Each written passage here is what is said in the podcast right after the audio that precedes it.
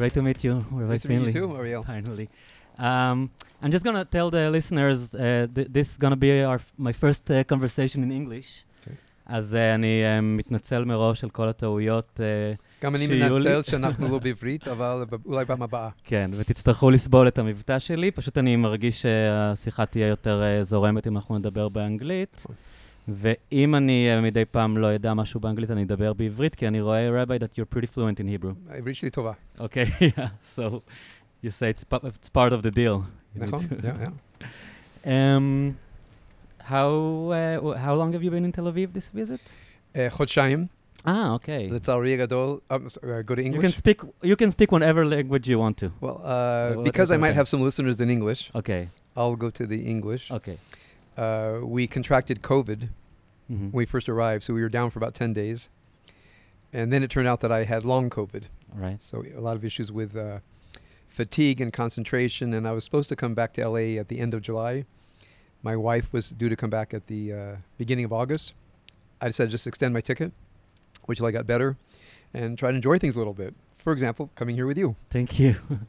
and how do you find Tel Aviv? L- love it. You love it? Love it. It's uh, it's not like Los Angeles. uh, you know, at least where we live in Florentine and over here on Rothschild and uh, Shuk uh, Carmel Shuk, and Shuk Levinsky uh, down by the Tayelet. It's uh, you know it- it- this this concentration of so much activity and so many different levels of culture and the diversity is just amazing, packed into such a small area. Yes. So I anybody ha- here, so Pardon me, uh, you grew up here? yeah. Yeah. Do you So take it for granted, or you still love it? Ah, it's another it's another talk. I don't want to waste time on it because Okay. it's like a regular uh, topic in my podcast, uh, it. the decline of Tel Aviv. But I, I guess it's like that everywhere. Like I listen to people talk about LA, that it's not what it used to be, and people talk about New York, and I think the it's it's like global changes that Mhm. affect you know everything. Mhm. Central cities become more expensive. Right. They lose part of their character.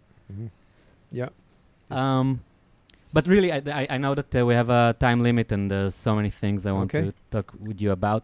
Um, the I, I- first ran um, uh, came across your name in a in a weird uh, circumstances. I was listening to uh, to Rick Rubin's podcast. Rick Rubin. Yeah, you know who that is, right? I do know it is, but I've never been on his podcast. No, he was talking with Adam Cohen, the son Mhm. of uh, Leonard Cohen, on his so- Right. podcast mhm, Yes. And uh, and that that's the first time I, I uh, heard your, your name. Like Mhm. they were talking about um, how uh, Leonard Cohen used to to go to your to come to your uh, talks, and that he invited Rick Rubin to to join. Now I don't Mhm. want uh, us to talk about things that you know like. Uh, um, if you don't like, I don't I'm- want this to be a conversation about this kind of stuff. It's Anything you want, man. I'm, I'm here. I'm at your service. Okay, so um, so yeah, so I, I was really, if if it's no problem with you, I was really interested in in wanting to know who is the rabbi that Leonard Cohen wants Mhm. to go to, Mhm, yeah. because I know that he's been on soul search his entire life, and is very knowledgeable and very um used to be was is I don't know, um, and uh, and is not someone that um like he knows a lot. Mhm. So if after all his knowledge and li- lifelong um, dealing with Judaism and spirituality in Mhm. general, Mhm. he chose to to go to, to your talks. Mhm. Um, Well, it, it uh, was very interesting to me. Mhm. And then I'll just finish the intro. Sure, please. And then I started. I, I I- I wanted to look up for myself and to see like um, lectures of yours and podcasts. And I was really like I understood Mhm. um because it's really interesting. But I Well, to, to hear your uh, comments. Well, I would say there's at least four things. Right. Uh, one, I met him at a wedding of uh, Larry Klein and uh, Luciana Souza. Larry Klein produced uh, Anjani's uh, album Blue Alert, which Mm. is an amazing recording if everybody hasn't heard it. And uh, so Leonard and Anjani were at the wedding. Uh, I didn't know who Leonard Cohen was. Really? Did not know who he was. I was never a fan of his. Never listened to his music. I just I, I went in another direction with music. Right. So I was sat next to him, and it, it sounded familiar, but I couldn't place it. This And that- distinct voice. uh, just Leonard Cohen. Right. I think my sister had an album of his back in the 1970s or something. So I said, okay, I, you know, L.A. You bump into a lot of people. Right. So I did the wedding, and then I did. I was part of the entertainment after the wedding. Uh, Larry and Lucy asked me to do a a half serious presentation on relationships, uh, which is something I spend a lot of time on in my work as a rabbi. So I called it uh, 10 Contrarian Commandments for a Good Relationship. So very deep and very funny, if I say so myself. So Leonard got a huge kick out of it.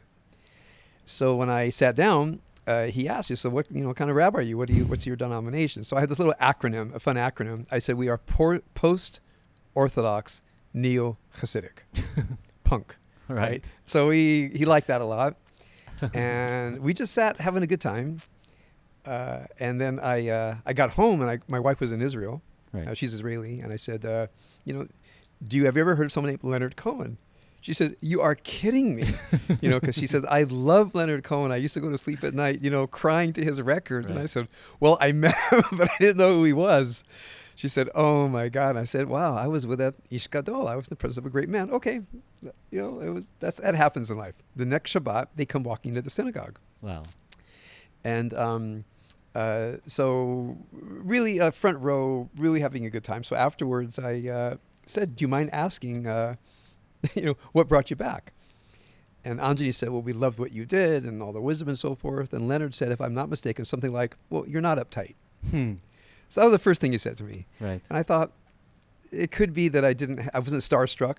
Although I, I don't tend to be starstruck uh, anymore after living my whole life in Los But he Angeles. has this charisma, right? That even if you don't know him, uh, there's Yeah, I, I think or if it, it's an interesting experience when you see someone like that and you don't know him. D- do you feel any charisma, Oh, yeah, or is just a regular uh, Jew? no, uh, no, he was a deep guy. Right. No, we connected. No, but even before you talk, you can feel in, in his presence. Because when I saw him live, I, I, there was something about the presence of, of him, but I don't know how much well, he would got remember to do he, with me. he was sitting in the audience Right. of a wedding. Right. He was just an old Jew sitting there, right? Right. And I sat next to him, and then of course he has presence and a voice, but his questions of me are on a deeper level. Number one, and we shared humor, so we shared depth and humor at the at the at the wedding at the table. Uh, and Anjani was also very interested in my my my the work that I bring to the deeper dimensions of human relationships. Right. So uh, a nice connection. You know, we finished Filot and we have a little lunch together. And I thought, okay, they came, they experimented, and you know, I'll see you another time. They came back the next week, and then he started coming to my uh, classes. Uh, I did shiurim. I called my my Dharma classes, where I would actually do some Jewish meditation. And Leonard would uh, cross his legs and meditate. I, I had no idea he had any experience as with a, uh, meditation with for years. Right. yeah. So I read up on a little bit. I said, "Wow, this is impressive." Like he comes to, like, he's been with Roshi for however long, and he comes to my meditations and my wisdom. And I read more about him, and I said, uh, "Wow, this is, you know, I'm I'm touched and and honored." So then, after my wife came back, uh, she met them, invited them to the house, and then we had a really extraordinary re- relationship, the four of us. Uh, Meirav became very close to Anjani. They're actually still very, very good friends. My wife um, had a connection with Leonard that I did not have. Um, I mean, they loved each other in a very unique way. Uh, I was his rabbi, and so there was always. We never became chummy. Right. There was kind of a, an- an awkwardness around us because we could not go into deep places, and you can't stay there for very long. Hmm. So I found out very quickly he's knowledgeable in Kabbalah and Chassidut and mysticism, which is my one of my uh, focuses in life, and uh, very interested in the uh, uh, the the the uh, failed messianism of Shabtai Tzvi. Yeah. And I don't see Shabtai Tzvi as just academic. I think there's something really to learn about what was happening in uh, what they call Sabbateanism or Shabtaut. Right. Uh, I, w- I was at one time a professor of Jewish mysticism at a, uh rabbinical cantorial school. So he had read, uh, I think, uh, book on Shabtai Tzvi, which Right. is the standard. And so we had very deep talks about uh, Shabtai Tzvi, which I don't think he was able to have before. And I've never really had talks about, uh, you know, Sabbateanism. It, it's it's worth mentioning that you can't talk with an Orthodox rabbi about Shabtai Tzvi. no. You need a post-Orthodox. Yeah, you can. Right. And others may know about him academically, right. but not understand the the deeper thing that was going on in him and in the movement, and especially in his, uh, you know, in his prophet uh, uh, Nathan of Gaza, Right. you know, who wrote serious books. So um, again, it's not something I, I, I talk about much except when I begin talking about Leonard and me, because people say, "What was your connection?" I say one of them was uh, was Sabbateanism. You, you can. I'm, I'm sorry for interrupting. This Sure, is like a, no problem. Um, you can really hear some. Um, I'll say in Hebrew because I, I Sure. with terms Shabtaut um, messages in Leonard Cohen songs or ideas. Like even especially in his last album, Mhm. uh, "You Want It Darker," you have all this concept of, um, you know, I'm like y- you probably could explain it better than, than I could, but uh, th- there's there's some um, Shabtai uh, concept Mhm. about um, the dark and the um, and the and the brightness. Yeah. Well, first of all, the idea of the of the breakage in the human being and the struggle in the soul between light and darkness. Um, you find this in Judaism in general, rabbinic Judaism more deeply, certainly in Kabbalah and Chassidut and the uh, Kabbalah of um, of Isaac Luria, Ha'arizal. Ari, yeah. Yeah, the Ari. Um, so you might say Shabta'ut. I mean, it took it into extreme regions, but part of what the the what I'll call just for our purposes, one part of Shabta'ut is, as Leonard said to me, um, God has created a box into which we do not fit. Hmm. Okay, the box deforms us. The box deforms us. It, it chafes against our nature. So, so his theological question is, and it's not a serious question. It's more of a koan. Um, why would God place us in a box that God knew did not fit? So when people look at their suffering, you know, I think a deeply sentient person says, "What am I doing in this world? This world is strange to me." Uh, so I remember I learned a line when I was a young person. I think it's Santayana that says, "You wake up when you realize you're a resident of this world, but a citizen of another." Hmm. So I've had that since since I was a teenager. So Leonard and I shared this. This is a strange trip we're on. And so when when Shabtai comes along and says the the halakha Jewish law Jewish tradition does not fit anymore, we have to break it. We have to break it in order to uh, uh, reinvent it. So Sabbateanism was a lot about breakage, not just the inner breakage, but breaking the tradition apart Right. with some very dangerous kinds of things. But you know, when you live in a post-orthodox world, that's part of what has happened is the break breakdown of of, of orthodoxy. Uh, but but for Leonard, it went not just that he's not orthodox in in um, observance or belief, rather orthodoxy standing for the imposition of a world that does not fit the shape of the human being. And we're created in God's image. This does not. What what was it? Um, to your understanding, like I, I don't know. Mm.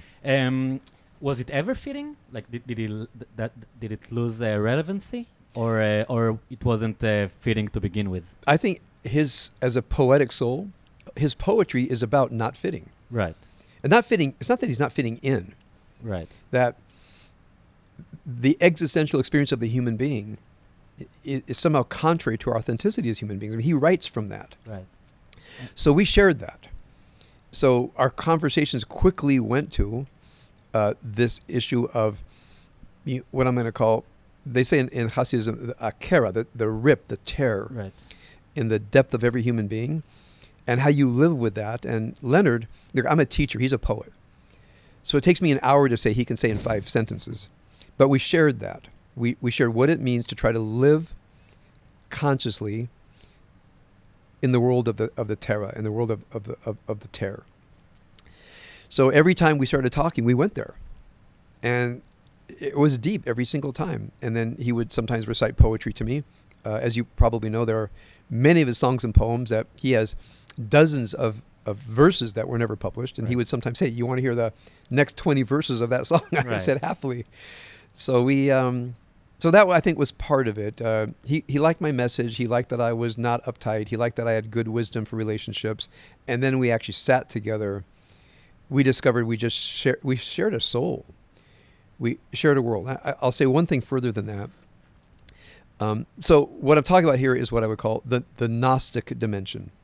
Uh, people need to look that up if they don't know it. Uh, Gnosticism, G N O S I S. Yeah. Gnosti. Yeah, the Hebrew. Nostim. Yeah. Right. So, um, so that's a uh, Kabbalah is a is a intersection of Jewish Platonism and or Neoplatonism and Gnosticism.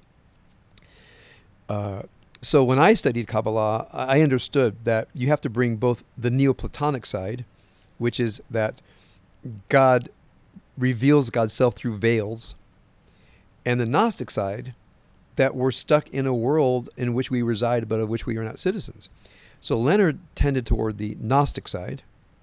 I tended more to the Neoplatonic side. כשהתפיסה, I'll speak in Hebrew for Sure. a second, okay? הת- התפיסה הגנוסטית היא בעצם, העולם הזה הוא עולם רע, ואלוהים ברא עולם שמנוהל על ידי אה, כוחות רעים, ואנחנו צריכים להתמודד עם הרוע הזה כדי Mhm. להגיע לאלוהים. That's, זה, uh, זה הגנוסיס. ב- Yeah, they're very good definition. But if you look into the actual Gnostic myths, you have a sense that there's an upper world that is filled with light and God and angels, and then there's a rebellious angel who Right. rebels against God, Right. and that that God called the demiurge, as it were, creates this lower world.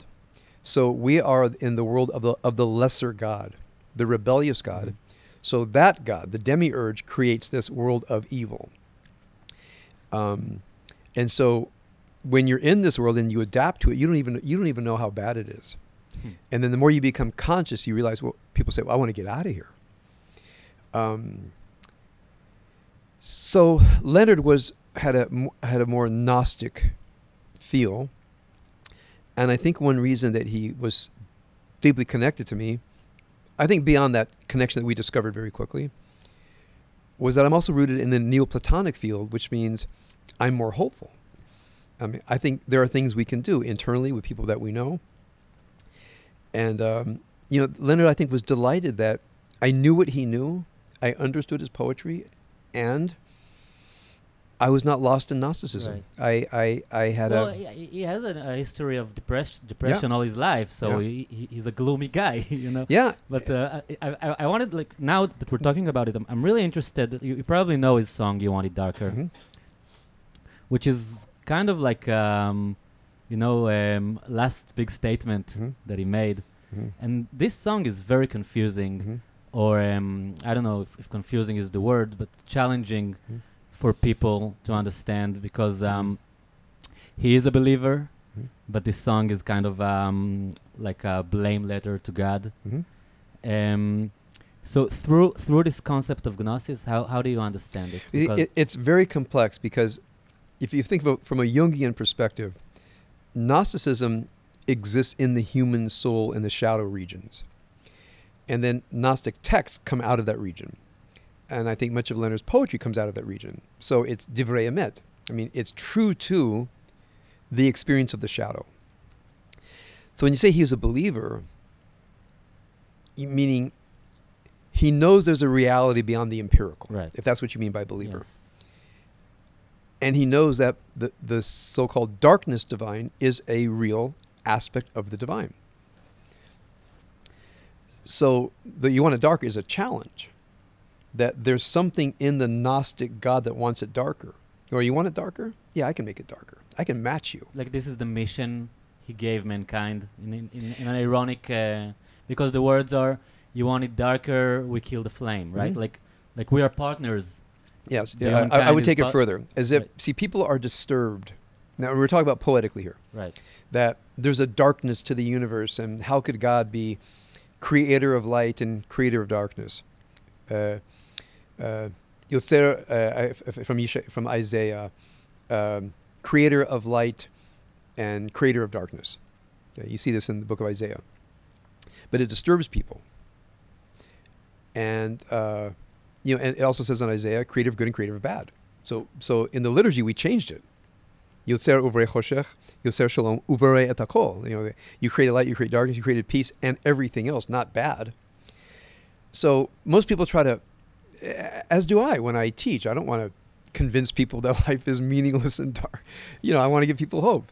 So um, Leonard finally says, "Oh, you want it darker? Like to this God of darkness? I'm not. I'm not afraid of you. Mm. I'll take it to a darkness that you can't even imagine. Meaning, I'll I'll out darken God, Hmm. right? Which at some point has to believe that there is a God whom we can out darken. Now, this is a strange relationship with God, right? But you see, Leonard, Leonard as a kind of um, prophetic poet, prophetic not meaning tells the future, but prophetic meaning uh, speaks on God's behalf. So Leonard, in some ways, speaks on behalf of the Gnostic God, and then speaks to the Gnostic God, and that's why it's it's dangerous to try, try, to try to do theology from Leonard because Right. he's a poet. You know, he, he's um, he's not reducible. You can't create from Leonard Cohen a systematic theology. You read the poetry; it's like liturgy. You know, you read the po- the poetry of the liturgy, and it addresses the soul, and then it becomes an experience. It's not something that you can reduce to one thing or another. So I think that that that album. But how do you understand this challenge? Like when when when someone is challenging in in this way, is it is it ironic or yeah. like because he, he was a good person, you know, like he, he wasn't uh, killing the flame, he was spreading light in the world. So you know, it's it's much more of an of an inter- internal thing. I'm going to give you a personal analogy. okay, So I had a severe back injury um, many years ago in 2008, and the pain was so severe I had to put a rag in my mouth so I wouldn't wake up my neighbors. I was screaming Hmm. so bad, and um, and then it would relieve for a second. And I remember I said to the pain, "That's all you got? You think you're going to take me out? Bring it on!" Like I just got above the pain. right, I said, you can hurt me, but you can't define me. And there's something in me that, you know, that has that, that you can't defeat me, you know. And Leonard and I shared that. You know, when uh, i- that But is- Leonard, is Leonard is bigger than the depression. Leonard is bigger than the darkness that he has experienced. Said, you want it dark? You want it dark? Bring it on. but does this battle is kind of um um I don't know like super self like a Nietzschean idea of I can deal with everything or because or does it involve uh, a reaching for the greater God that to involve Well, to, I- to I knowing that that like the true God is stronger than this demigod and uh, you, you understand? I understand completely. So I'm glad you brought Nietzsche in. Nietzsche is very important here. Uh, and remember, Nietzsche's job was not to help us find the true God, but to, to destroy the old God that was getting in the way of the true God. Okay. So remember, if you're Neoplatonic like me, you both live in the Gnostic darkness, which is real. But you also live in the Neoplatonic world of the veils, you know, where you're trying to ascend. So I think Leonard at his core, he says, I'll fight the darkness. You go ahead and climb through the veils. Hmm. But let's let's be tight with each other.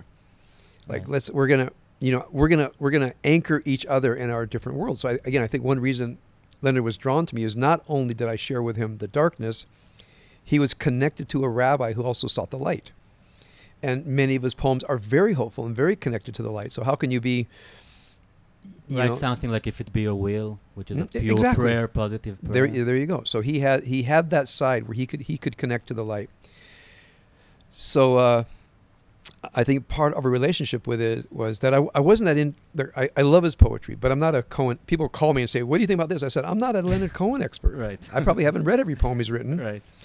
Uh, but he didn't want a rabbi who who was a Leonard Cohen expert. He wanted a rabbi who understood his soul, and that happened very quickly, and it happened throughout our relationship with each other. And I, from the very beginning, we realized we have this Gnostic connection, and we differ on whether it's fifty reality is fifty one percent Neoplatonic or fifty one percent Gnostic. I go to the Neoplatonic, he goes to the Gnostic, and in that tension, it built our our our our deep soul connection. Um, I would like to. Y- You said that the first thing you noticed about you is that you're not uptight, right? That's what he said about me, right? right. Um, you you have an extraordinary life story, Thank you. uh, especially for a rabbi. Um, c- can you tell a little bit about? I know that you told this story many times, but uh, a lot of my listeners are hearing you the first time. A little bit about um, your life before uh, you found religion, or before, Mhm. because uh, it's, it's a Yeah. unique story, Yeah, you know, I didn't seek this life out. right? First of all, my I, I think that a big turn began when my uh, about ten years old. Uh, we lived in uh, Anaheim, California, which is where Disneyland was built. Hmm. Uh, you know, big wide streets and boulevards, and you know the California suburbs. Uh, my dad lived. Uh, he worked in a in a uh, as a machinist in a factory that created aircraft parts in a city called uh, Lynwood. And um, my parents could translate their house in Anaheim to a nicer house. We moved to Compton, which was five minutes from my dad's work. And Compton back then was Compton as we know it. No, Compton was NWA. Compton was a, was the uh, city that where it cost a nickel to sneeze. Mm. Okay, it was a very Suburban. high, kind of uh, nice houses, streets with palm trees on them, and in the far west of Compton was adjacent to Watts, which was the black ghetto in L.A. And then, so we moved there in 1964. 1965 comes, we have the Watts riots, and there's a huge white flight. Mm. But my parents were very solid civil rights advocates and solid Democrats, and they say, we're not leaving because blacks are moving in. You know, we have to learn how to be a minority as well. None of us expected the violence. None of us expected the racism against white people, and and the gangs. Right? they weren't And- gangs. It was just hatred of white people. Mm. I mean, there were no gangs yet. I mean, I was in junior high school. Right. They just they saw a white guy, they wanted to beat him up. Right. The ga- the Crips and the Bloods came in a little bit later. Mm. in any case, I, I would say that in a way was my introduce, introduction to Gnosticism, was the hatred and the violence that came out of nowhere. Uh, you know, my friends at a certain point we were all black and Hispanic, and they fought for me, and it, it really hurt them to see what was happening to me and my family. Um, I just dealt with it. I mean, I didn't think it was unusual. You know, so what do you do when you're white and you live in Compton? You deal with violence and you learn how to fight. And I used to hide weapons all over, over my neighborhood and and ne- never make sure that I was always a, a brief run away from a pipe or something like that. And uh, so for your, you know, kind of average white kid, uh, growing up white in Compton was unusual. And I did not know how it affected me until many years later. Because, you know, when you're a kid, you just adapt. Um, now, what happened in the midst of that was I was approaching, uh, I was 12 years old. And uh, the war in uh, the uh, Six Day War broke out. And I, just before it broke out, I saw my mother uh, very, very upset. You know, and when I say what religion am I? My dad was raised Catholic. He left, he left Catholicism. Uh, he was raised in an orphanage. My mother was raised Jewish in England, and she did not like the Judaism, the Jewishness of England. So they were leftist. Their, their, their religion was, you know, was Marx. Hmm. So I saw my mother upset. I said, "Well, mom, what's going on?" And she told me what was happening in, in Israel in May of 1967. He was on the television, you know, the speeches of "kill the Jews, drive the Jews into the sea." And I said, "Yeah, but what, how does that affect us?" I'd never heard of the Holocaust. So Wow. she sat me down and told me about the Holocaust. Uh, my dad was in the American Army in Second During World the war. during the war, and he was a medic. So as they as they moved into Germany, there were calls for medics, you know. So my dad, you know, he he knew what, he knew he knew what happened. You saw the camps, or just Uh, had enough? I, I, to- I, to- he, wa he they brought him near a camp Right. to to um, give extraordinary medical treatment. Right. So uh, my mother, they told me everything, and they said, and they're getting ready to do it again. Hmm. So I was very upset. So I remember, um, well, what's happening? And they said, you know, they're calling all the reservists up. I said, well, who's doing their work? I, they, we don't know. So I wrote a letter to the Israeli consulate, uh, 12 years old, volunteering to go to a kibbutz and work on a kibbutz, you know, during the emergency. Um, so, we, you know, Israel wins the war, obviously. And my parents say, that's it. We're Jewish. Dad's going to convert to Judaism. We're going to join a synagogue. and You're going to have a bar mitzvah. Wow. Because they perceive it as some kind just of a miracle. Jew- Jewish identity. No, just But why? Why is the winning of the war? Because they, they saw the effect no. on Not, you. it's like it's not because we won the war. the total, the entire experience. It was the entire experience was the Jewish people need every one of us. Right. It was a very deep experience, by all over the world, by the And way. it's interesting that it's happened just before your bar mitzvah. Exactly. So so they said, okay, that's it. We're a Jewish family. Dad's converting. We're joining a synagogue. You're 12. You're having a bar mitzvah. So I was right at that point. Had I been older, there wouldn't have been no bar mitzvah. If I would have been younger, just go to Hebrew school, right? Right. So uh, I did not even. I didn't really know I was Jewish. Uh, I had no idea what a bar mitzvah was. Hmm. So I said to my parents, "Well, what's a bar mitzvah? Since I'm going to have one." So they think deeply, and they we had some. My mother had some relatives in in Hollywood, which was about an hour drive from Anaheim, and every now and then they disappear on a Saturday morning. We didn't know where, and so I apparently had gone to a couple of bar mitzvahs, and my dad says to me, "Well, you wear a little hat, there's a lot of Hebrew. He says you can't smoke, and you park two blocks away. He said, "There's more to it than that, and we're going to take you to a rabbi." But he didn't know either, right? No, that he was just he more just, or less what he uh, knew. there's a, like, but he, you know, you wear a hat, don't smoke. right, You know, a lot of Hebrew, and park two blocks Right. away. That's what my dad knew. right. So he goes, "That's a good question." we're going to go meet with a rabbi. So they took me to the uh, rabbi of the Compton Jewish Community Center. Was there a Jewish oh yeah, yeah, two blocks from our house. Didn't even know it was there. And I, I don't want to spend the whole podcast on the Right. Compton Jewish Community Right, Center, but I can tell you, it was extraordinary. It's just a Hamish group of Holocaust survivors and American military veterans and people from all around that area. And um, very welcoming, very warm. Uh, I'll, I'll mention two things. Number one, the first Friday night service we went to, uh, the music. It, it was a Holocaust survivor who spoke almost no English. I had no exposure to any kind of liturgical music, but I, he took us into the heavens. I think his, the music he chose, his kavanah, his Wh- What sincerity. was he playing? Oh, just whatever, davening Mariv. Right. But I never, I never heard Hebrew chanted, and I never heard Hebrew melodies. And I didn't even, I didn't even know what it was. But I looked at him, and his, you know, he's a Holocaust survivor, and you know, and, and the, the the look on his face was transcendent. Like I don't know where he went, but I wanted to go there. Hmm.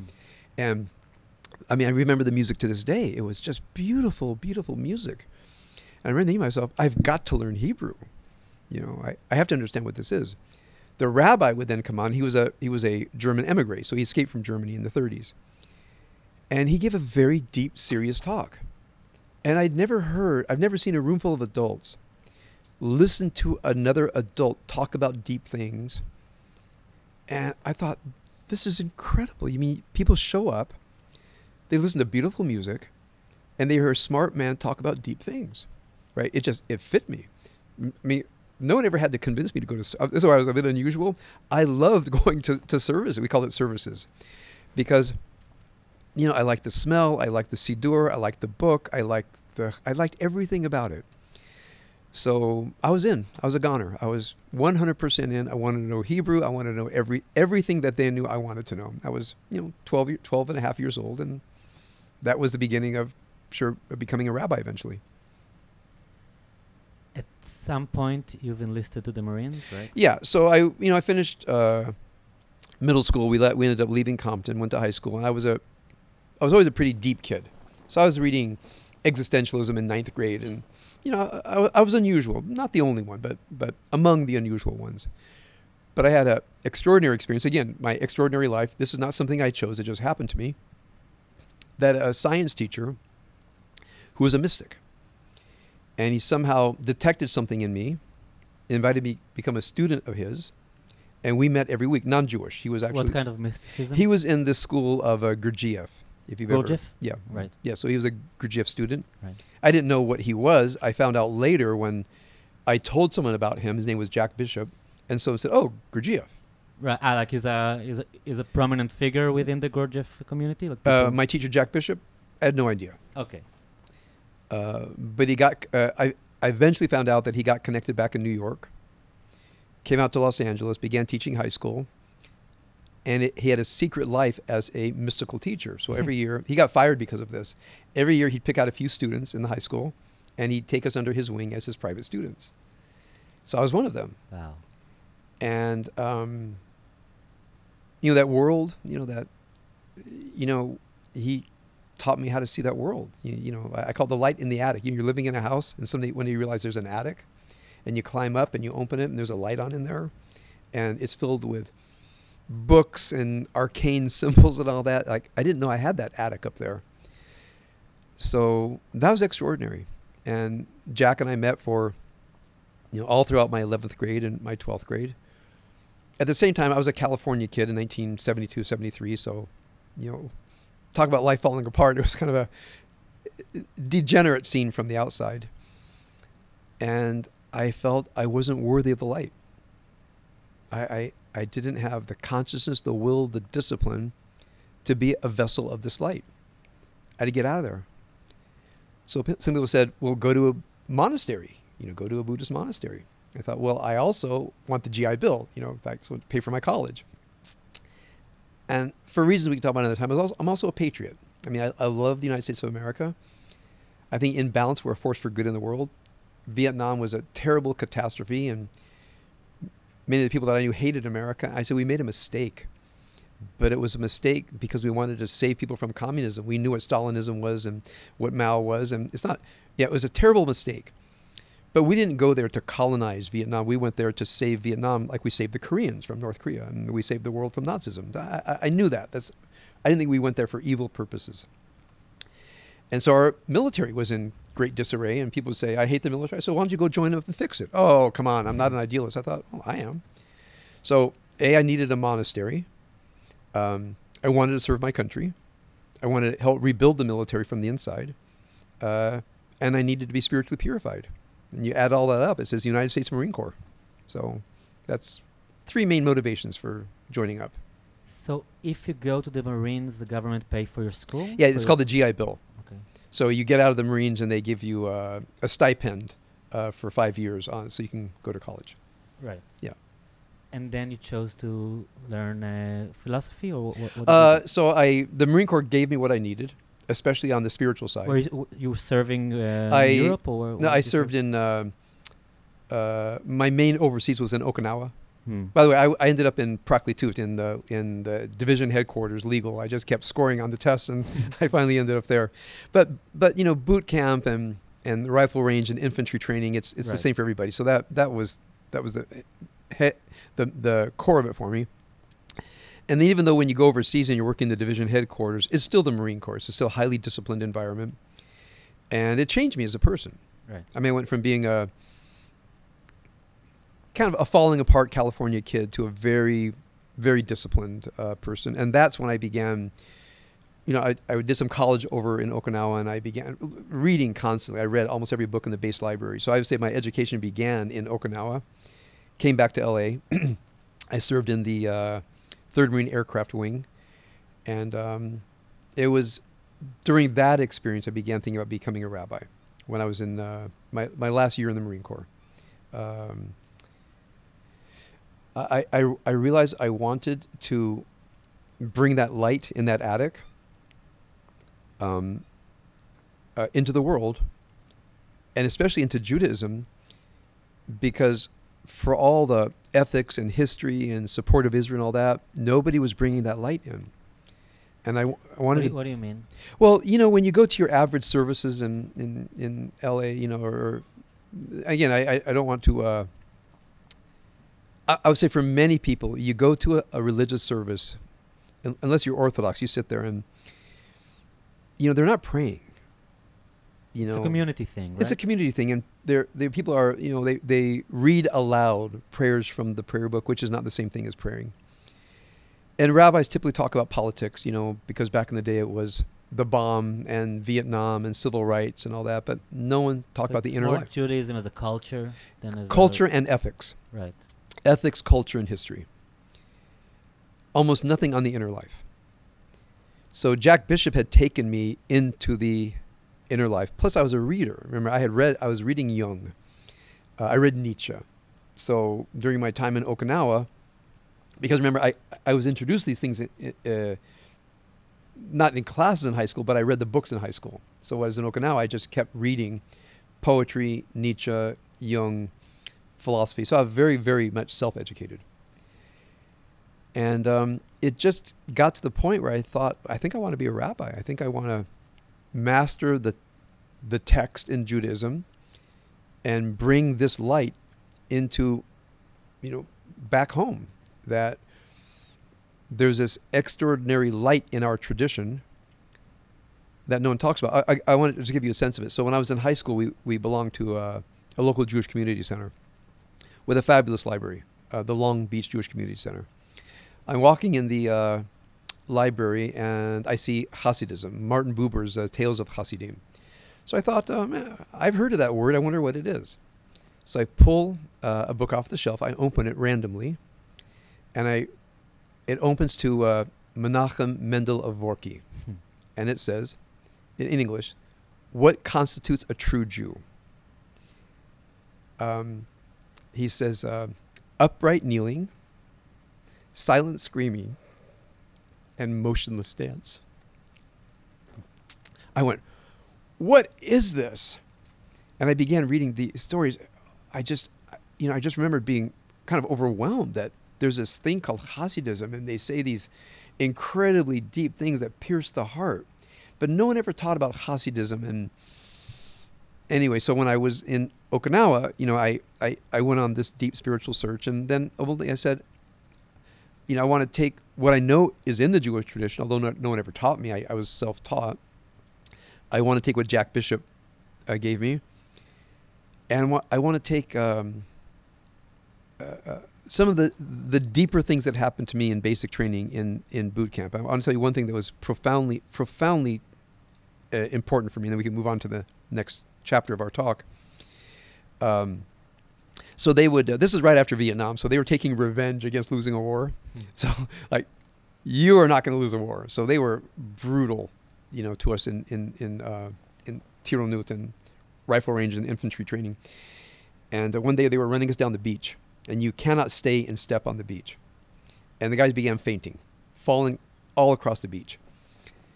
And the drill instructor looks at us and says, uh, "There's a very famous battle of the of the Chosin Reservoir in North Korea, where the Marines were surrounded by the Chinese and and you know almost were annihilated and, and fought them their way out.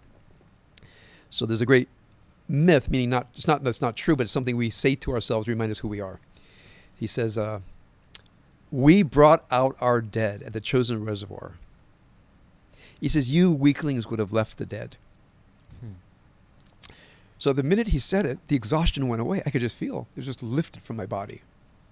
I stood up, and everybody in my platoon, we all stood up, got in ranks, and I thought, what what just happened? I really thought about it. I thought he told us a story, and it changed us physically, like the power of language. I had heard about midrash, and I heard about you know our great focus on text, uh, on the text, and that affected me very deeply. I said that story changed me as a person, and then I thought, so I go to synagogue every every week. No story I was told penetrated my heart. Which is interesting because this is what the Bible's supposed to be. It's right? what it's These supposed kind to of be. stories. So Exactly. they weren't um, teaching you it right. No, uh, look, it was like watching a video. I mean, yeah, I, I, I, I read the stories, but no one told it or ta- told it in a way that it penetrated my heart Right. or that it could penetrate my heart or that penetrating the heart was a, a goal of our, of our textual tradition. So I just had a sense, you know, I want to learn this and I want to learn how to take our text and make them be transformative. So I had all these ideas in my head. And then when I got out of the military and I began college, very, you know, I got out in 76 and went to college. And I very quickly thought, I, I want to be a rabbi. I want to take everything that's happened in my life so far and take it and bring it into Judaism. Have you ever considered uh, checking out Orthodox Judaism? Because a lot of what you're talking that uh, is missing in in the kind of um, community that you went to, um, you know, in Orthodox Judaism, th- they know those stories about the Hasidim and they know about mysticism, uh, at least from a It's certain age. It's a uh, great question. So, yeah, I flirted at the edges of Chabad and so forth. Right. And one of the problems is there's so much dogmatism that it's hard to find to get someone who is a person who is working with existential pain and admit it. Um, so I had a little test when people say, ah, Shomer mitzvot, I keep all the 613 commandments, you know, you reform, you don't. I said, oh, you keep all 613 commandments? Yes. I said, do you keep the commandment to love God with all your heart, all your soul, and all your might? And they would stop. Hmm. They say, I try to. I said, wait a minute. Before it was, I keep everything. Now it's I try to. I said, I want you to explain to me how it is that you try to love God with all your heart, all your soul, and all your might. They couldn't answer me because they don't break their heart on it. So you can tell people who give, who give answers that they heard people who give answers because they broke their heart on them. I thought, I don't want to hear from anybody who hasn't broken their heart on it. And, you know, I finally met an Orthodox rabbi, a Bretzlover. But by that time, I realized, I don't know if these people are broken. And I can't listen to anybody who's not, who hasn't encountered deep brokenness. And when you're that broken, you're no longer arrogant. You're no longer smug. You no, no, no longer think you're better than everybody. You no longer think that I have the truth and they don't. Okay? So there's something kind of annoying about orthodoxy for me. They were so smug, so arrogant, thought they knew everybody than everybody. And I thought, okay, so where's your brokenness? When are you going to talk about that? Because But it, it, it, it is um, Menachem, um, uh, a Rabbi Mikutsk, that talks about a broken heart. So you say it, it, it didn't last? if I would have lived in Vorki, I would have Right. been a Hasid of Menachem Mendel of Vorki. But it, you see, even though Chabad Hasidism is rooted in the Baal Shem Tov and the Alter Rebbe and so many great people, by the time it comes to America, it's so much about become Orthodox, light candles, put on tefillin. You know, that to hear a Chabad rabbi get up and talk about, let's talk about the, the breakage, the shvira in the heart of every human being. And what I talk about is not go home and light candles how, and not, not go home and put on tefillin. how do you understand it? Is it because uh, in, in a group, at, um, when you reach a certain size, you need to, to make it into some kind of an establishment? It Well, can't be authentic anymore? Or c- to, It's clearly that. Me- meaning, yeah, it became a movement, but see, the, the Chabad, beca- Chabad, which is a mystical movement, right. came up, came to be become Orthodox. So when you met him on the in the they call the mitzvah mobile, they didn't say, "Come in and we'll learn about the shvira. Come in, we'll put on tefillin and give you candles." So, there's a lot of pnimiyut, there's a lot of inwardness in the Chabad tradition, but you got to get there. So that was one thing. The second thing is, I spent time in yeshivot, and when I was told I had to believe that Torah Bichtav, Torah Sheba Al Peh, is all revealed to Moses at Mount Sinai, you know, once you start studying Talmud and you see that it, it develops through time, and Right. you know, you peek under the hood of yeah, Jewish it's a very strange notion that people actually believe that. I don't even know if they really Th- believe it. To tell you the They truth. don't, right? It just I- I don't think so. It's an agreed uh, thing that it's you dogma. need to say, right? Yeah. So when I would sometimes meet a rabbi that I Because could, even even without knowing anything, just reading the Talmudic text, you, you you can see that it's not something that was given. exactly. So that works on people who've never studied the Talmud. Right. But if you study the Talmud, especially in an historical sense, where you can see the different layers of the text, a- and with the Bible, so I had a, a uh, an Orthodox rabbi friend who who knew what I knew. I said, in the face of all this, you still are telling me that I need to believe that, and he says, I'm dogmatically committed to believing this. Right. I said, okay, thank you. I re- really appreciate which, that. Which means it's not really a belief. it's an just- acceptance a- of dogmatism. right. to to be in that world, there are some things you have to dogmatically agree with. Now, I'm saying most believe it, but the ones that I could speak to said, I'm required by my community to uh, agree with this dogma Right. because otherwise he's otherwise they're out. And I had one guy ask me. We had a very deep conversation, and he had he had strong doubts. He says, "So, uh, Rabbi Finley, do you recommend that I go become a reform or conservative rabbi?" I said, "You're going to lose everything you have. You know, you have a depth of religiosity that just doesn't exist outside of the Orthodox world." I said, "I, I wish I could tell you that we had."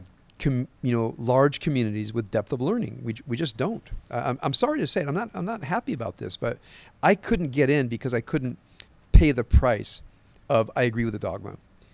But if you're in there and and and, and it's 51% good for you, like, you know, and we live in an open society. Nobody makes anybody stay in, in general. So it, it's a you know it's a question for you. But yeah, I I I, I was on the edges of the Baal Tshuva movement and at Chabad and so forth, and I could never just pay the entrance fee. But however, I studied in yeshiva with Orthodox rabbis. I studied with Bretzlaver Orthodox rabbis. So much of my inspiration comes from that they are keeping alive a tradition that would disappear without them. Right. People say, well, don't you hate the Orthodox? I said, no, I don't hate anybody really. and secondly, thank God that they are keeping this alive. So when someone wakes up and says, I want to study Gemara and I want to study Talmud, you're not going to, uh, uh, and I want to study Hasidus, you're not going to find it in your local Reform synagogue. I'm sorry to say. But your local Chabad will have it. So, you know, I'm not, everybody has their place, and I wish we we could, you know, I wish the non-orthodox movements could could reinvent themselves more on a model of that that every synagogue is a repository of light and wisdom and depth and and learning, and it's going to take a long time before we get anywhere near that. How would you describe uh, your community? What would be like the Well, the average or the profile yeah. of, of someone who's coming to, Yeah, to- well, to, study uh, with you? To, Our synagogue, my wife and I, when we founded our synagogue in December of 1993, um, our marriage is many ways based around this conversation. When we got to know each other, we just we had we talked about this in deep ways, and we decided to found a synagogue that would do this.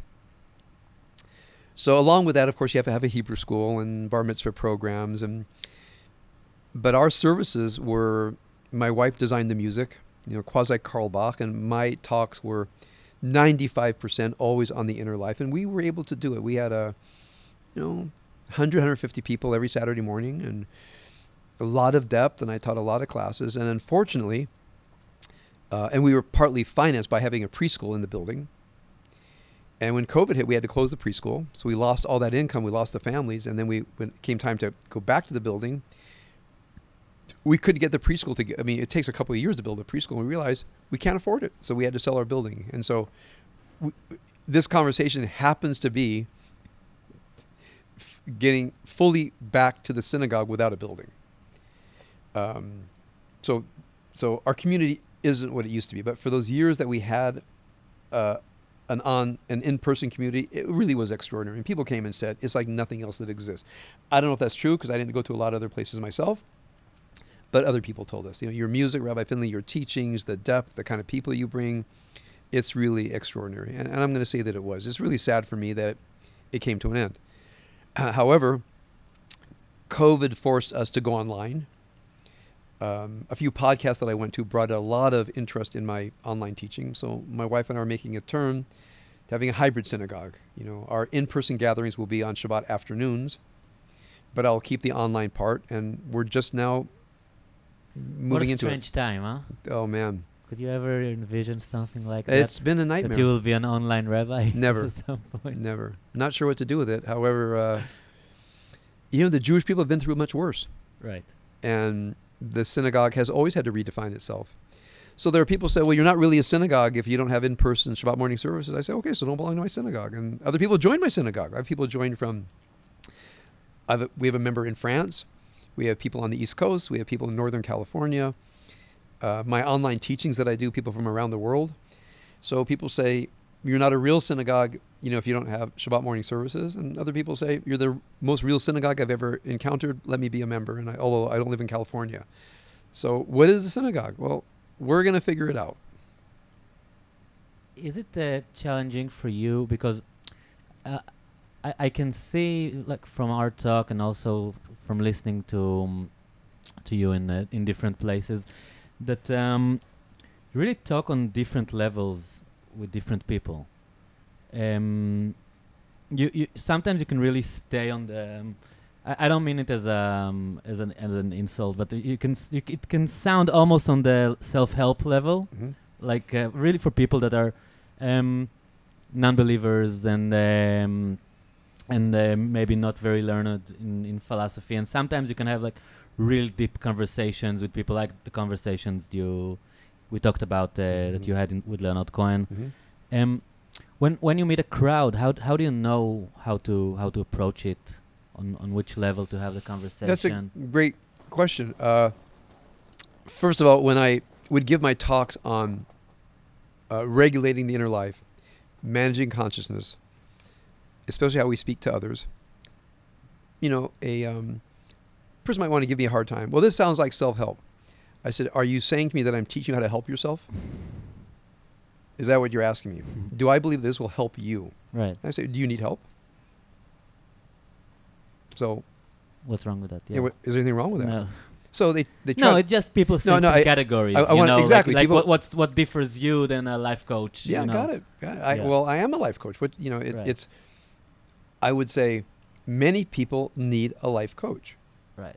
and I'm a good one. I'm a very good one. Yeah. So if that's all you want, I, I use jujitsu terminology. I'll get you through your white belt. You want to, you want to get to your blue belt on on how to live life. I'll get you there. Right.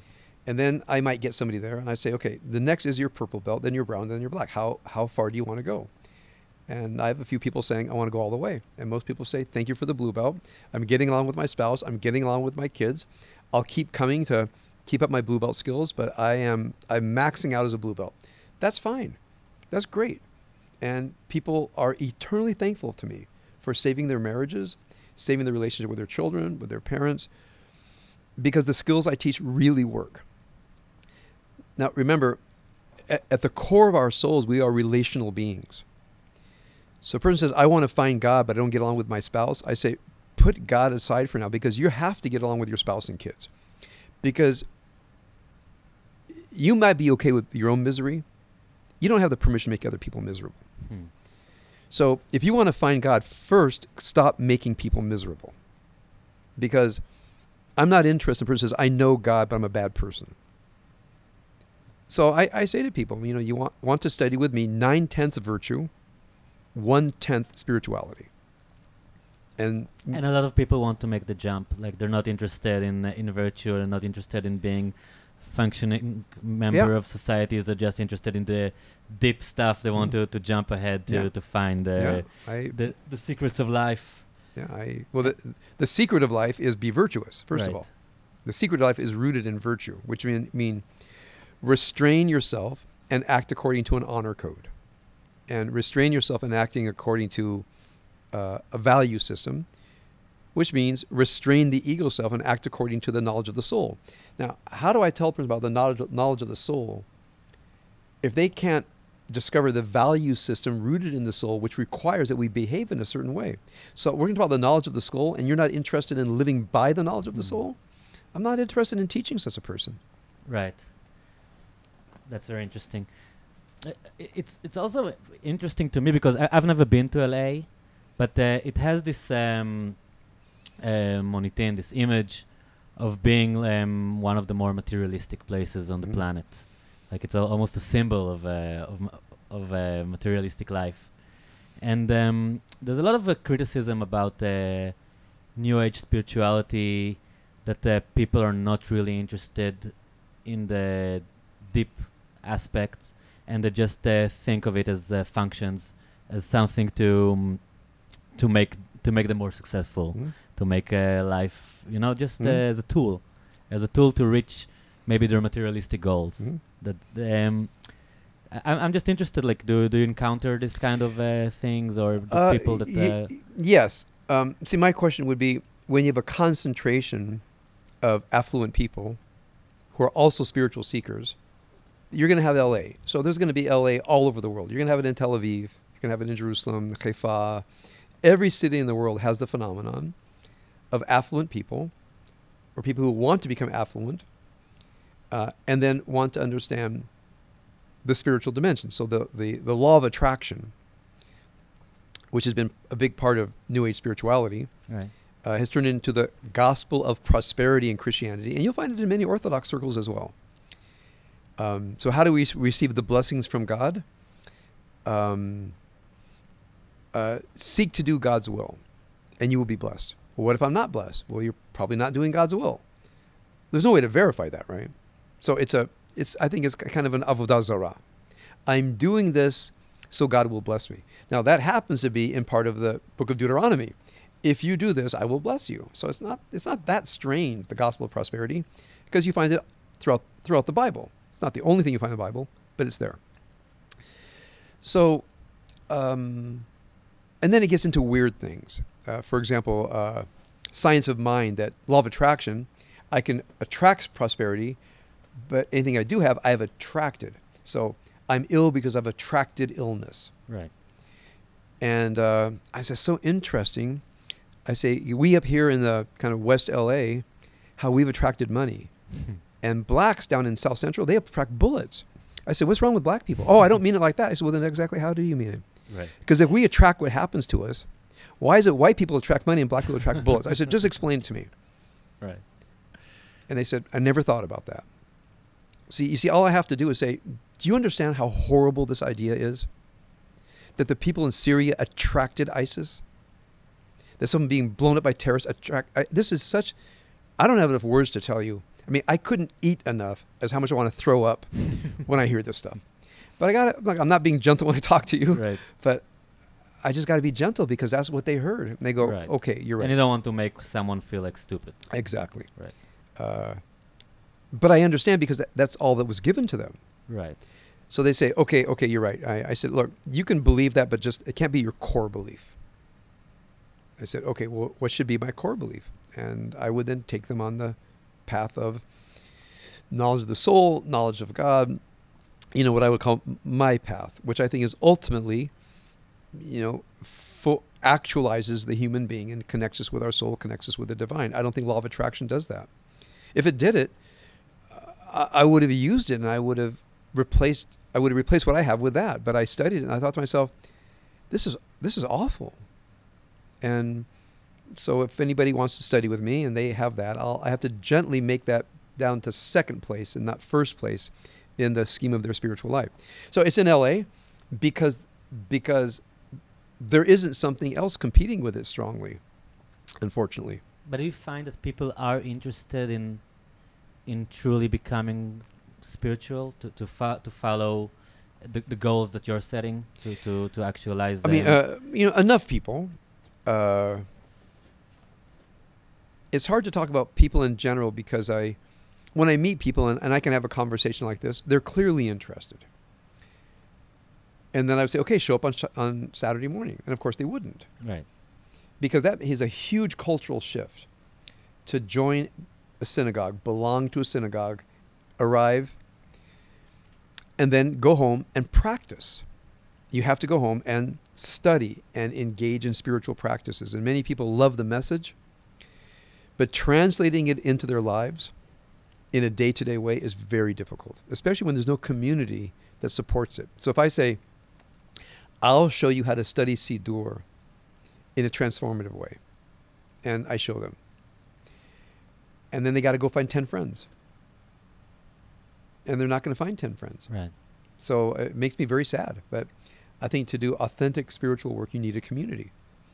And you need a community who share a world and share a text and share an understanding. And, you know, my wife and I said, you know, we're not going to stop trying to achieve this goal. Right? Um, it might not be achievable of creating communities of spirit, non Orthodox communities of spirit rooted in Jewish text. Um, But that's that's an um, an ongoing eternal battle Exactly. at some point. Like if you, you we were talking about the the original Hasidim and what happened from their uh, teaching. You know, like um, I think in every generation, new people need to do. people come and do their part, do do That- whatever they that's, uh, can, and then thing dissolve and and um, mm, I don't know appear again in a different know, that's, form. That's, that's our part. So now Yeah. we're into the post COVID synagogue. One thing we realize is um, can my teachings turn into something of empowering small groups of people, wherever they are in the world, to find 10 friends and understand the power of a practice? Not just an idea, but of a practice. And uh, we're going to die trying. What can I tell you? I mean, we, we think it, it, will, it will deepen and improve people's lives if they can organize their self, themselves around a trustworthy teaching that will be transformative of their soul and of their character. There's no, there's no downside to this. But isn't it enough for people to just? We were talking about this guy that doesn't uh, appear on Saturday. Some of it would be maybe out of uh, social reasons, and he, it's too much of a shift from uh, his way of life. Maybe the online teaching is an opportunity for him to do it personally without people asking questions. Why are you going to I- synagogue on, on Saturday? Wow, bull.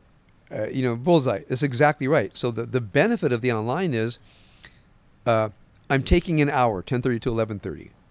Nobody has to come with me. I'm not getting in my car. I'm not going to a synagogue. So if I look online at the people who are attending on Saturday, many are not Jewish. And same with my Zoom classes. You know, I teach classes in, like when I had my recent class on spirit and soul and spirit. I would say more than half the students were not Jewish. So what online does has has helped me translate this message in a religious and spiritual, but not a particular religion. And the next step is a training program for people to take this and say, if you want to create, you know, a, a little study group where you feel you have this with a few other people, we want to create that as well. So not just a where they come and study with me, but they learn how to create their own chavurot, their own study groups, and um, you know, I don't know where it's going to go, but we're dedicated to trying. You put a lot of, um, you use a lot of um, external um, knowledge and truths in your teaching. You would teach um, the Torah with using, like we said, Jung, or um, sometimes um, Eastern philosophies, I- ideas. Mhm. Um, c- can can you explain? I know I know it, it makes your um, your teaching more more uh, accessible to some people, or maybe more attractive, because um, it's weird in this time. And I know a lot of people in Israel are asking mys- are asking themselves, secular people, Mm. Asking themselves, okay, so why why Judaism? Mhm. You know, like uh, well, people go to India and they learn about Hinduism or Buddhism and stuff, and there's so many spiritual movements around the world, and um, and a lot of people finding Judaism afterwards, and they're still saying, what about all this other knowledge? You know, like it can't be that this is the only thing Okay. in the world. Like, like speaking a language, why why Hebrew and English? Why not, let's let's speak Right. Serbian. Right, Why speak Serbian if you can speak Hebrew or English? Like you know, it's my language. right, So since it's my language and as good as any other language, why would I go out and say, well, there's a I have to learn all the languages? Well, good luck with that. Well, how about if you master the language that you have? Now, I've studied the language systems of others. I've studied, you know, I have a I have a doctorate in religion, so I've studied Eastern religions.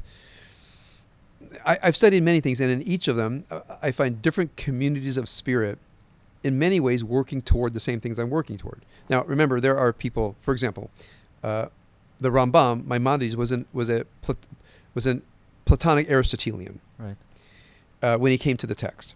So his Guide for the Perplexed, he's trying to reconcile Aristotelianism with Torah.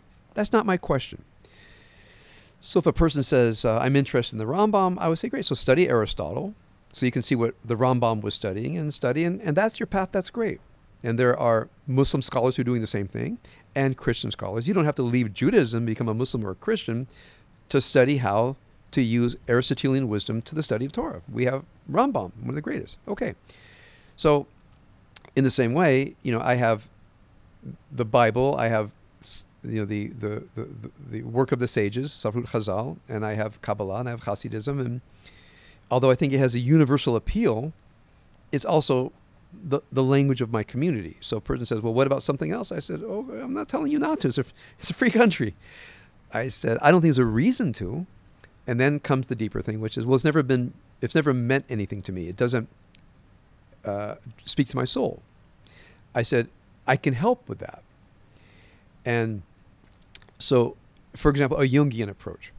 Now, when, you know, a Jungian approach more or less is that one thing that the inner life is, is, is it's, it's run by what I'll call the symbolic nature of consciousness. So when the, when the rabbis of the Talmuds looked at biblical characters, by the way, and Kabbalah and Hasidism, that they're not just historical characters, but they are simanim lebanim. What they go through, we all go through. So if I, for- example, would take Rebecca, Rivka. So she lives inside every one of us. She wakes up one day and she's pregnant and something terrible is happening inside of her. So she goes to uh, Lidrosh et Elohim. And he says, You have two nations within you. And the, uh, uh, the elder will serve the younger, which is a metaphor for you have uh, an irreducible, irreducible opposition within you, a war within you that's going to get resolved, but it's not going to get resolved in an easy way. Okay? And then you have the whole story of Yaakov and Esau and so forth. Okay, let's just take that. Have you ever woken up one day and realized that you have irreducible opposing forces within you that you're going to give birth to? It's going to take a long time to work it through. It can be a lot of suffering and a lot of heartbreak. Does that sound familiar? Hmm. Well, that's the story of Rivka. So it's an archetypal story. So one thing I've done is I've taken the biblical characters and scenes in the Bible and understood them from an archetypal way. People say, "Is this authentically Jewish?" Yes, it's authentically Jewish. That's what, that's what, you mean Sifrut Chazal and parts of it in the Kabbalah and Chassidus is based on is that these are not just people we read about. These are people that operate within us. So that when a person understands this, and then you say Elohei Avraham v'Sarah, we say in the non-Orthodox tradition, Elohei Avraham v'Sarah, Yitzchak Rivka, Yaakov, uh, uh, Rachel v'Leah. You say, okay, so who's the Abraham within me? Where God says, Lech lecha, leave everything, leave everything behind. Is that part of you? Yes. What about Sarah? You know, she couldn't get pregnant, so Abraham had a son with the concubine Hagar, who's also a great archetypal character. And then she sees something going on bad with Ishmael and Yitzchak. And she has raised Ishmael since he was a baby. And she says, is one or the other. What does it mean to do something horrible and painful because it has to be done? She had to, as it were, get Ishmael out of there because of what she saw. Did she see something real? We see, we don't know. But we know that we have to know that, that this was a existential crisis for Abraham and Sarah to expel Hagar and Ishmael. So I say, say to somebody, have you ever had to do an impossibly difficult thing? If not, then don't read this story because it won't mean anything to you. And then so you have to live. Abraham, Sarah, Hagar, and Ishmael. Right? Have you ever been Hagar? Had your life completely torn apart? Have you ever been Ishmael, accused of something that you say that, but that never happened? Well, it doesn't matter. You have to get out of here. So you see, you look at every one of these characters, right, and I can go through all of them, and they all resonate deeply in the soul of the human being. So when I daven the avot, Elohei Avraham, and so forth, I have a practice where I go, I sink into every one of them. Now it takes a while. You can't, you, you know, you can't zoom through it. I'm not saying I do this every time, but sometimes I say Elohei Avraham. I want to recapture the archetype of Avraham, Sarah, Hagar, Ishmael. I want to capture the Akedah. I want to capture all of them and then come out and say, Elohei Avra, Elohei Yitzchak v'Rivka. I want to go back to Yitzchak. You know, on the other side of the Akedah, of the sacrifice of Isaac. Re- Rebecca is, for me, one of the outstanding archetypal, char- archetypal characters of the Bible. So you see, you can just rattle off, you know, the, the, the prayer called Avot, you know, just buzz right through it. Or you can take a half an hour and sing into every archetypal character. Well, you have to then study. You have to look at what actually happens in these biblical stories, and you have to know them well. Then you have to study Midrash. How do the rabbis understand these stories? And even maybe peek into the Kabbalah and the Chassidut, and then create your own archetype of each one of them. And then when you recite from the prayer book, you have to go into the archetype. Now, this has been my life. I mean, this this is how the text speaks to me. It took a lot of work to do this. Uh, I can't imagine my life without it. So, you know, if you say to me, okay, well, I want to do that, I say, well, then we're going to hmm. have to study. I'll teach you how I did it. I'll teach you the, the approach. And a person like you, you're way ahead because you speak Hebrew. And you will, you, this text will suddenly become, it'll become a universe. You'll see souls and angels and worlds and, and, and far beyond your imagination. And then I would say, now go bring somebody else in. And bring one other person in so there are three of you. And then study together the rest of your lives. I, I think it'll change your life. Right? But you know, that's that's how I see my role. So yeah, I bring in Jung, but Jung is already there. I, every every person I study is is just another person saying what's what's already there, but in a in a distilled way. So Jung didn't say anything new, but he distilled it, because everything Jung taught is already there.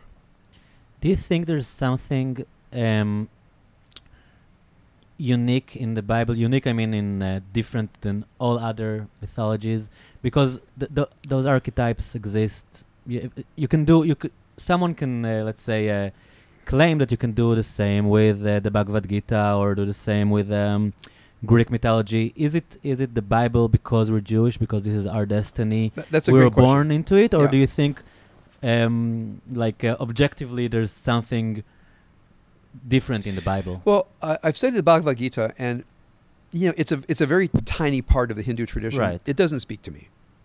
Uh, have you have you studied it?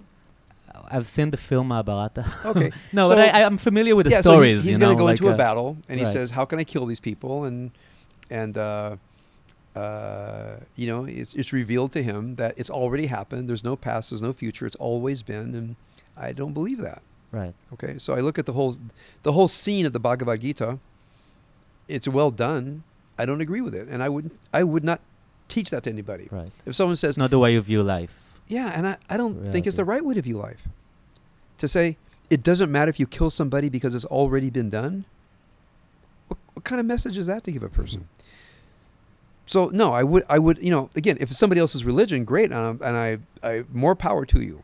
I've studied it, and I say, well, it's not for me. I've read the Quran. There are probably archetypal treatments of the Quran. I've never read one. Um, I've read the New Testament. There are actually very few narratives in the New Testament aside from Jesus. Right. It's mostly teaching. Yeah, it's a, you know, and the letters of Paul are great uh, teachings, but they're not archetypal. Right. Well, there are like Mary and Jesus. Uh, yeah, and in the in the in the Yeah, Gospels. Yeah. In the gospel, not in the letter, letters. Yeah, yeah. Paul. I'm talking about the gospel. Yeah, so there are they are there, but they're not as richly developed. Right. See, the writers of the Bible were Shakespearean in their instincts and the quality of their writing. Um, so I think the Bible is is unique, and I'm not saying it because I started there. I'm saying because I've read the Bhagavad Gita. I, I'm a scholar of the New Testament. I, I mean, I can teach it, not of Islam, but you know, I, I just keep going back to the to the wondrous, luminous natures of these stories, and then the midrash. I mean, you know, when you study the, the Agadah, you know, mu- much of the midrash is in the is in the Talmud. So I say the Agadah. Also, it's just astonishing the insights that the sages had in bringing out these characters. I mean, even their theory of language. You know, the the way they dismantle biblical language and reassemble it. It, it it's you know, so people talk about uh, you know theories of language. Well, the theory of language embedded in Chazal is is astonishing. That the Bible is like is raw material, and and we can form it uh, as we wish, as we wish. So, and then you go to Kabbalah and Chassidut. It's just, you know, it it's it's beyond belief what what what we've inherited. Do you believe So if anybody says Right. I can find it elsewhere, I say great. I said I, I have whatever works for you? Yeah, like, whatever works for you. But have you given this an hour of thought before you want to go elsewhere? Right. The, there's a concept, uh, I think, in the Kabbalah that um, the concept of uh, shorshei neshama, hmm that person has this. Um, yeah, reincarnation. Yeah. no, but I'm not talking about. Uh, okay, I think it's those are different concepts. I I, I think sh- shorshei neshama means Oh, that. the the root of the to- soul. uh, yeah, yeah, yeah. Mhm. Yeah. Um, which, uh, uh, as far as I understand it, is that those archetypes, um, those like let's say characters that that we've been talking about, um, you can ide- identify yourself or other people as rooted from one of those archetypes. Yeah. Like I- let's say someone is uh, his his origin, his roots are within Rivka or within uh, Mhm. Yaakov or Yeah. Uh, look, I believe we we are born with personalities. right. However, my experience has been that I'll look at my life and I'll say, "Oh, this is a Yosef moment. This Right. is a Yehuda moment. This is an Esav moment." So I believe they're all existing inside of me. I might have a, a tendency toward more one than the other in my default position, but I think they they all appear. But you wouldn't say like there's one uh, archetype that you find yourself more connected to that you say, okay, his life story, his personality is uh, is something that uh, resonates with me more. Yeah, um, you know, I resonate with Judah, but but you know because Mordechai is called Mordechai Yehudi in the Book of Esther, but nearly every thoughtful person that I know goes goes through Judah.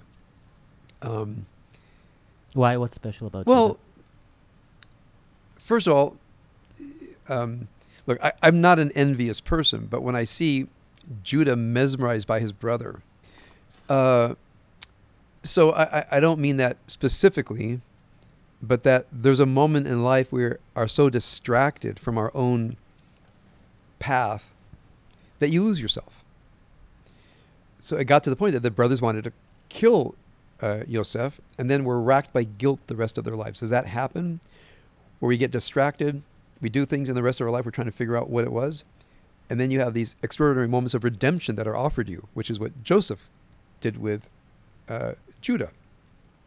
But then sometimes I feel like I'm the Joseph character.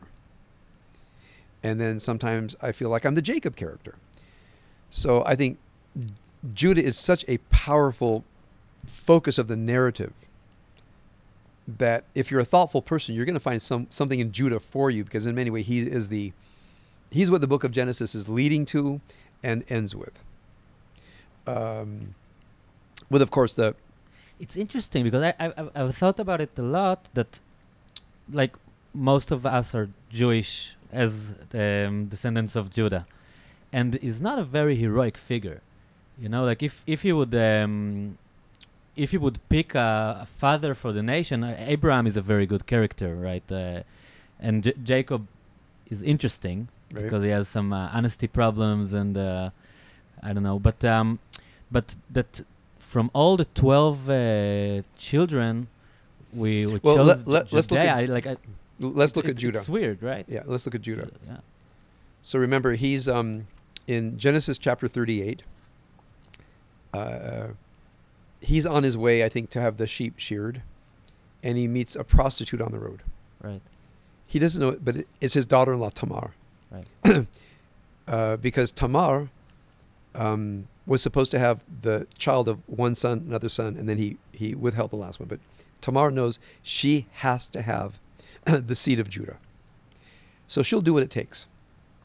She seduces him, becomes pregnant. They go back to the camp, and she begins to show that she's pregnant. And so she's a zonah, she's promiscuous. So Judah says, "Take her out and kill her."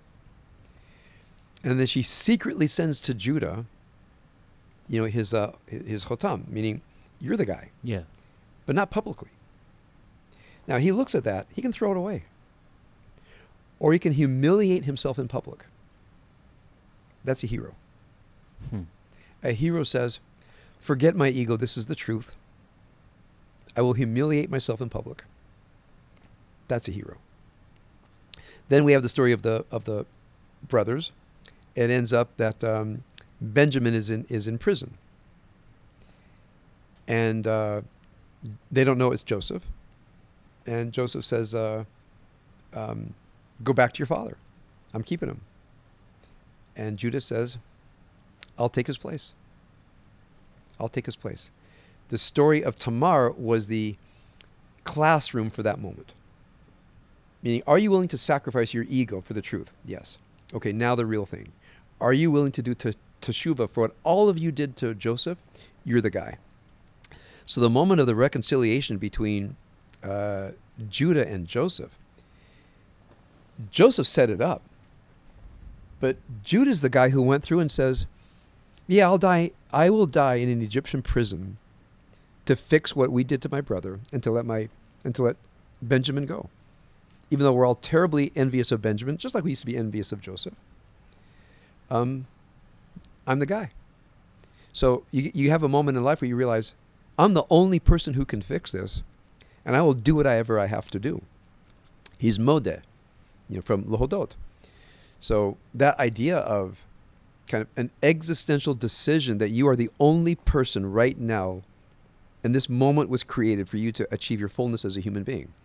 So I think he's an extraordinary, truly extraordinary character um, in the Bible. If you look at it from an archetypal existential perspective, It's interesting that it's written in a very subtext kind of way. Yeah. You know, like the, the Bible doesn't celebrate him.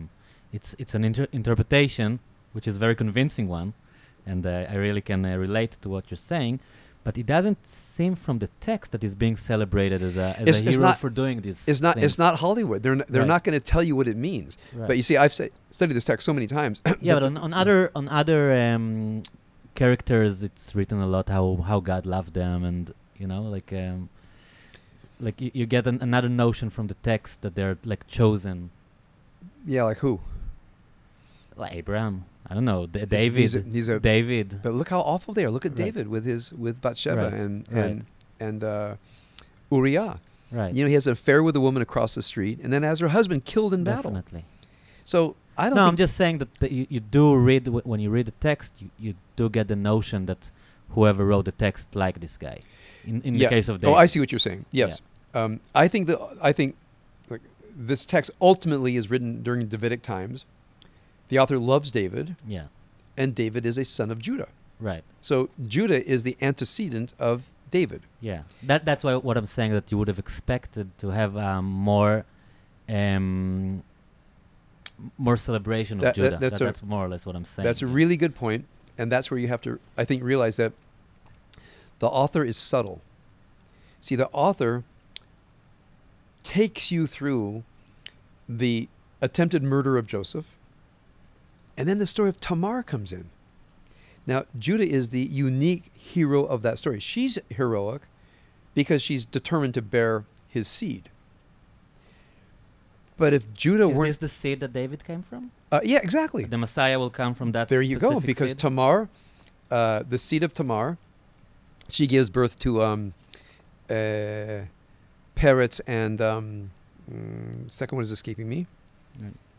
Um, that goes all the way down to Boaz, who with Ruth is the ancestor of the Messiah. Right. So the Messiah comes from Jamar and Judah and Tamar.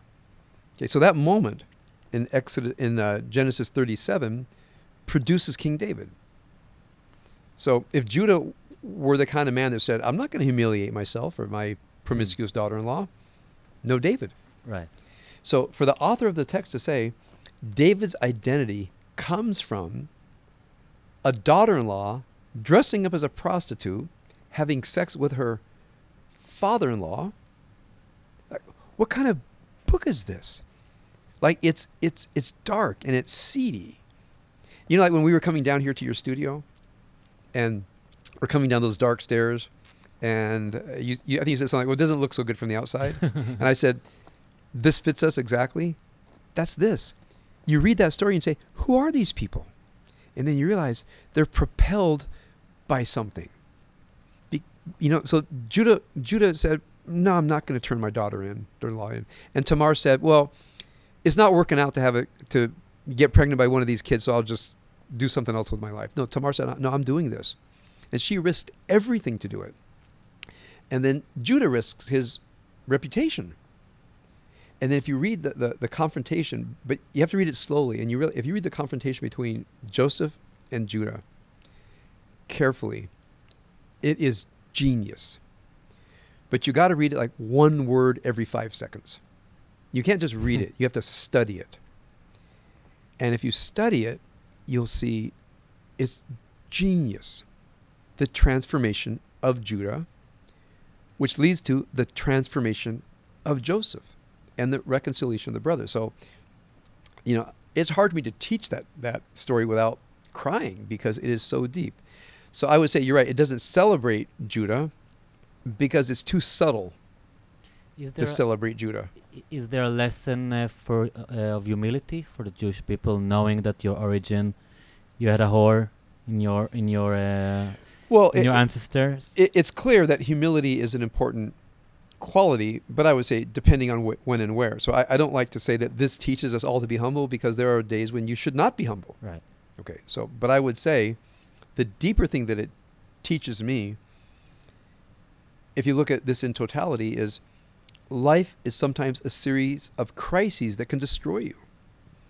I mean, I look at Abraham, Sarah, Hagar, Ishmael, Rachel, Rivka, Yaakov, Esav, Yosef. What they went through would, de- would, would destroy people.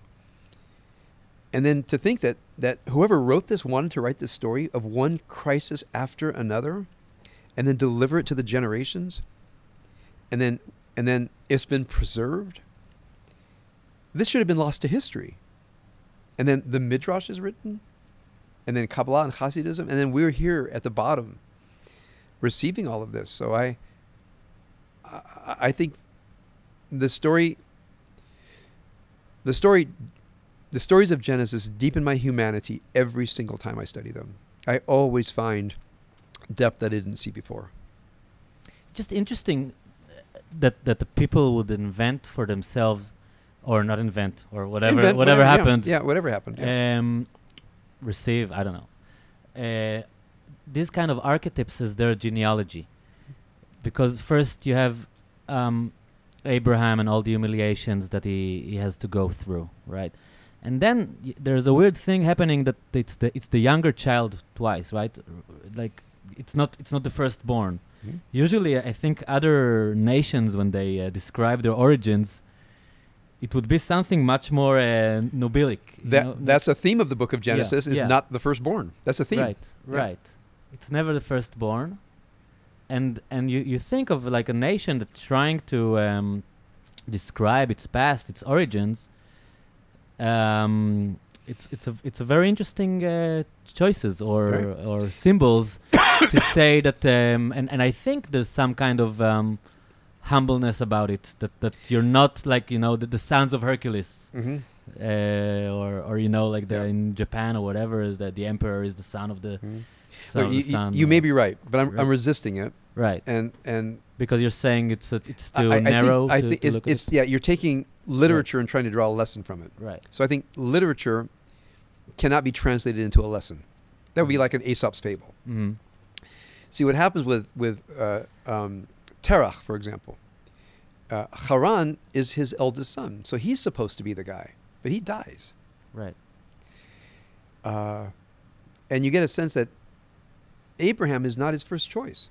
mm Uh, and you look at Abraham, you know, he's not a sterling character. You know, when he says, "Oh, she's not my wife; she's my sister," Right. right? So, and then when when Sarah banishes Hagar and Ishmael, now Ishmael was his son, and God says, "Listen to your wife Sarah." Well, Abraham fought for the cities of Sodom and Gomorrah. He couldn't fight for his son. right it's like a pushover his S- Something's going on. yeah right? Ak- The Akedah. So, um, so when you study this, I don't think I'm being taught humility. I'm being taught. Uh, I've, I've I've been put somewhere I'm not prepared for. This is supposed to be this was supposed to be Haran, not not me. right What am I doing here? right And I have to leave everything I know and go somewhere unknown. I'm not ready for this. So Avram is in a permanent state of un- unreadiness. right kind of an embarrassment Y- Uh, yeah, and and I would say He's- kind of bewilderment. Y- yeah wait, that, that's what- the word I was looking Yeah, for y- yeah you want me to kill my son? Can I just hear this one more time to make sure I understand what you're saying? Like in, in the Yeah. Akedah, it, it's uh, you re, it's a Yeah. bewildering He's story. bewildered in front of reality and Yeah. life. I think Soloveitchik talk about it a lot. Like Mhm. he, he has a book about Abraham, and I think that's the um, so that there's something existential about the all, all, all men are in Yes. the world. All people are. So he, he's an archetype of the Yeah. existential crisis um, of the Akedah. right. So, you know, I, I have my own interpretations of it, but what I want to say to you is, therefore, I don't want to draw humility out. I want to say, first of all, what kind of God would do this? Because I To think, ask ask something like that. yeah, meaning the God of, in many parts of the Bible, and the God of the Ak- Akedah is not a good God. Yeah, but it, it is it's just a test, right? It doesn't really What kind of test is that? Tell you go, you have children? not yet. Okay, someone told me to kill one of my kids. If God said kill one of my children, I said, well, first of all, you're not God. Right. So my whole life has been a lie, a sham. I don't believe in you anymore. So go pick on somebody else. You you're testing me to kill my child by killing my It's child. just a test. It's an archetypal test of, of ultimate belief. Like what would be the ultimate sacrifice, or- and, and can, or- can you do it or not? or it could be the moment when it realizes that the God a person is believing in is not God. The God that failed. That's your take. It's one take. It's a Right. it's a fair reading of the text. When God says, "I'm going to test you by seeing if you're going to kill your kid." So I think to myself is, "Okay, so you're no good. You are not a good God." I'll continue to read. Yeah, but life do life does test you. With Yeah, life test. tests me, but not God. I don't know. For someone to say a- God is good. I'm going to lead you all to the point to the point where the knife is at the throat of your child, and God doesn't stop it. By the way, an angel stops it. See, I have the theory Mhm. that God went out of God's mind. God went crazy. And God has an angel that says to God, please don't do that. It's not going to end well. God says, I need to know if he's loyal. Angel says, not like this. And so God is determined to do it. Uh, This is my one of my theories of God here. And then God sees how it's going, and God says, oh no, what did I do? Angel says, I'll fix it for you. Just don't talk anymore. Do not speak to Abraham anymore. I don't know how you guys got here. Do not speak to him again. God goes, okay, go fix it for me. angel comes down and says, okay, Abraham, don't have to, you don't have to do it. So the angel saves God. But do you really have this concept of God as some some some entity that can It's- it- change it- it's- change its mind? It's literature. That's, Right. not, that's not God. That is a literary creation that points at God. And the author, so this is why it, the story is not so puzzling to me.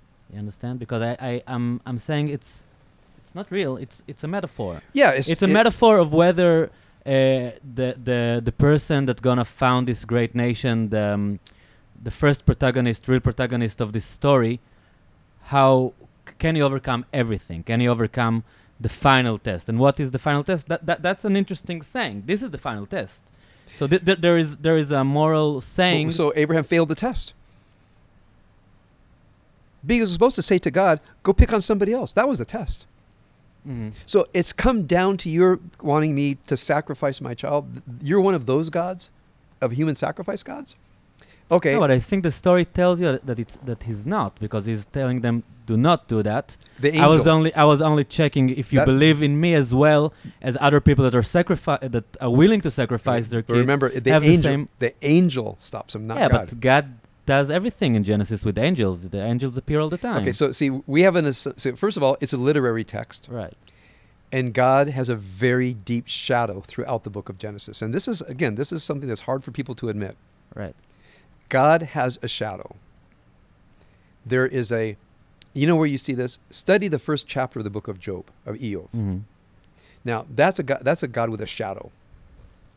Right. Right. Yeah. Okay. Now the God with the shadow in Iyov, which is is a despicable God.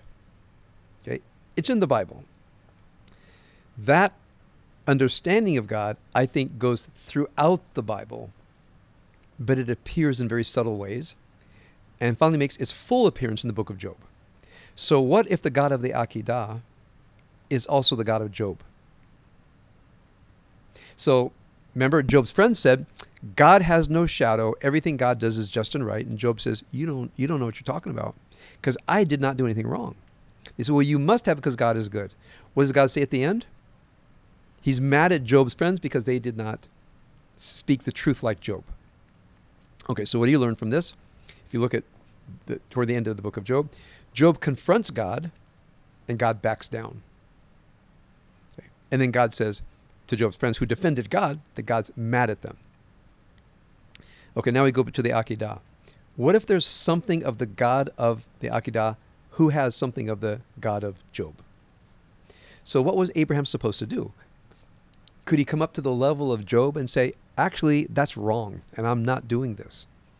Because Job said, God, this is wrong. You think this is God's will? I know it's not. So, Job, for me, is the, is the outstanding character of the Bible. Therefore, we have to understand the Bible is not what we think it is. The Bible is about human beings living with a God who has a Gnostic side to him.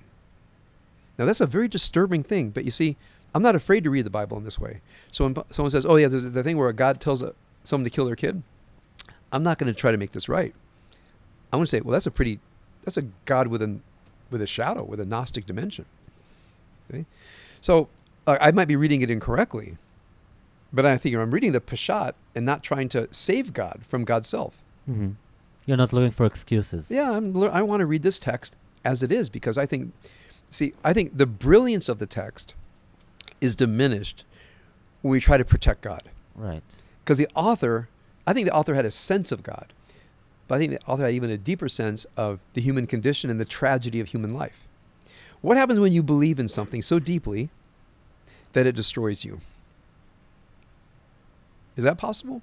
That you can believe in something so deeply that it destroys you. So And- you really believe that, even from an internal uh, reading of the text, that Abraham was failing in the in the. I think Abraham failed the test. But the angel saved Abraham and saved God. Okay, now that is inside us as well. So, what in me can save me from allowing a shadow God to have me do unspeakable things? Because we all know that pe- people's belief systems cause them to do unspeakable things. And then one day a person wakes up and says, Yeah, I'm not doing that anymore. I don't care what I believe. That's wrong. Now, what kind of person can step outside their belief system and say, I'm not doing that. That's that angel. let's stay with this shadow god. Um,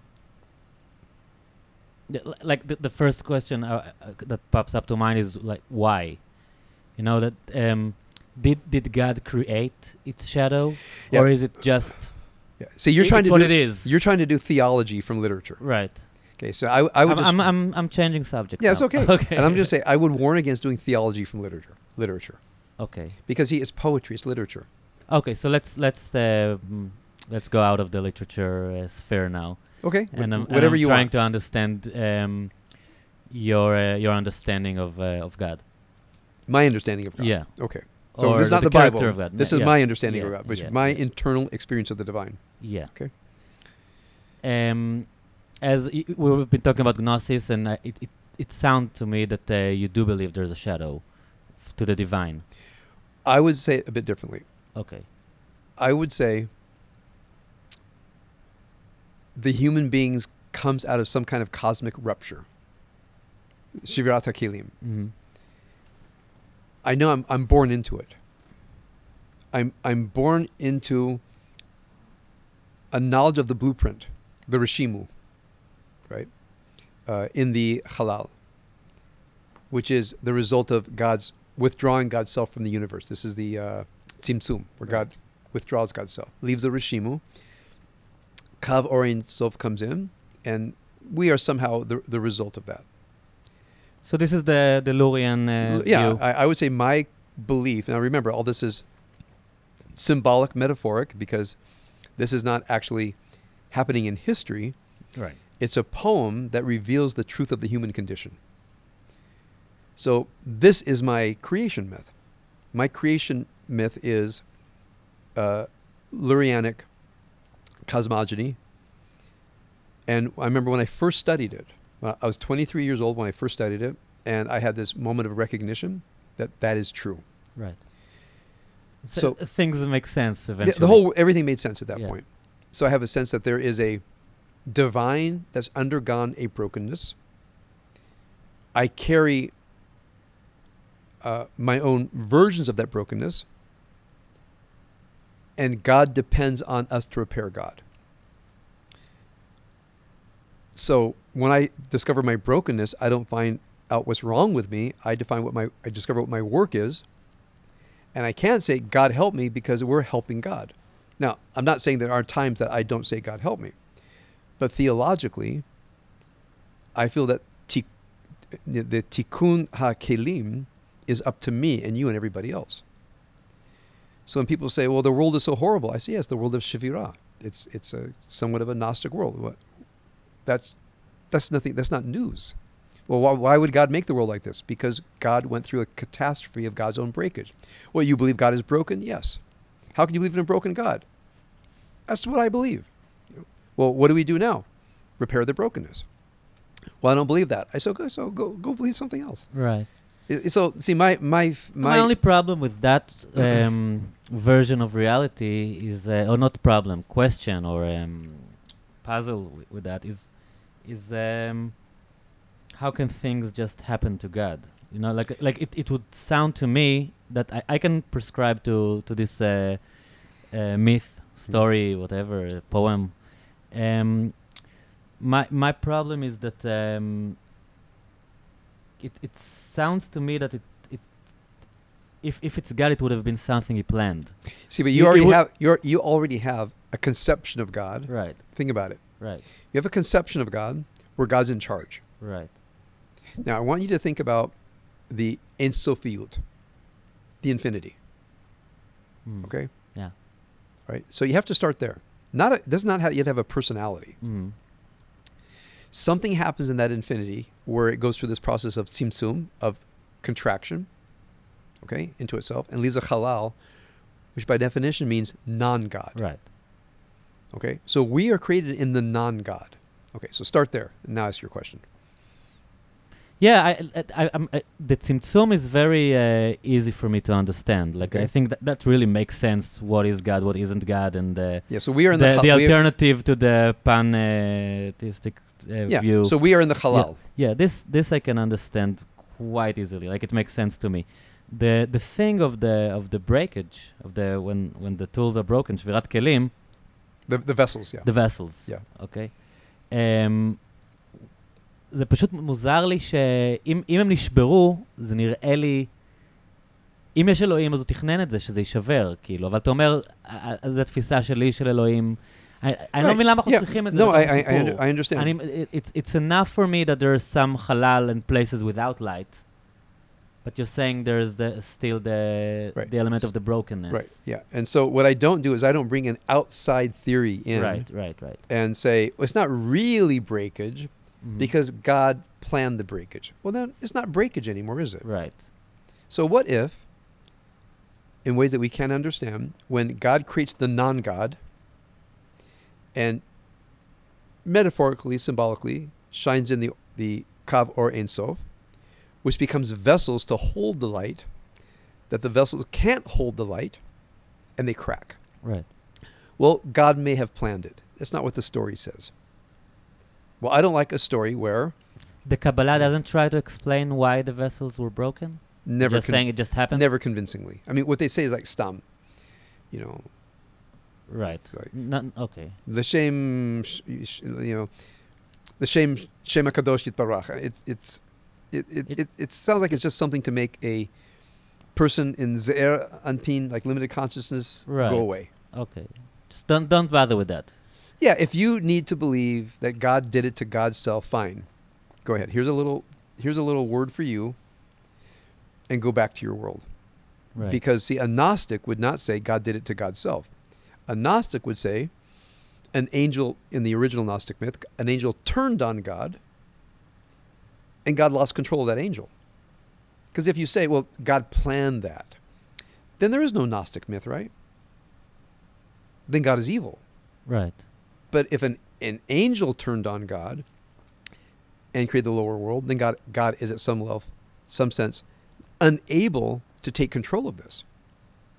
Okay? Yeah. So the Gnostic myth is something happens. Now remember, all this is metaphoric. We're not talking about anything in of history. course. Something happens where something turns against God and creates our world. So the Lurianic version of this is not the fallen rebellious angel, but rather Shivirat HaKelim. So it's parallel to the Gnostic myth. So for me to say, oh, but God planned it, then the myth, ha- all of its vitality is taken out of it. And it's just, it's dumb Right. right? But if we say God went through a catastrophe, I have to repair God. Look at the meaning and purpose in my life. God depends on us. Which means, why do I go through the tikkun? This is when you go to the deeper level of the stuff that I teach, the virtuism and so forth. See, ultimately, my th- my belief system is, we bear within us shivirat kelim, and the purpose and meaning of our life is tikkun hakelim to repair God. And that comes down to how you talk to your spouse and how you talk to people and how you live your life. That's the manifestation of tikkun hakelim. So look, we've gone through my uh, to a deeper part, but when a person wants to know, okay, I want to get my brown belt, you have to learn uh, hakelim, but tikkun hakelim. That what's at stake is God's essence. That's what's at stake here, not just getting along with your spouse although that's important. What's at stake here is the essence of the divine. And for me, that's real. But that can only be real if there really was a Shivirat Kelim.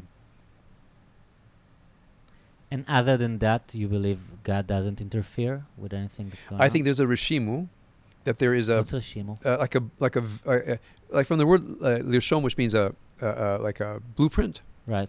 is the, there's a Rishimu of the, of the right order of the Kelim that's left behind, like a vapor. Many people call it a vapor. Like a, just a, a smell of what it should be. Mhm. So we have it within us a sense of what it should be, but you have to work a lot to get down to the authentic self So God interfere as guidance? as guidance. That's, that's very Right. well put. But we're the ones that have to, Right. you know, look, it, it's a bit complex because I think there is some kind of divine spirit, but it, as you know, it's so easy for a human being to extinguish that spirit. It's very fragile inside of us.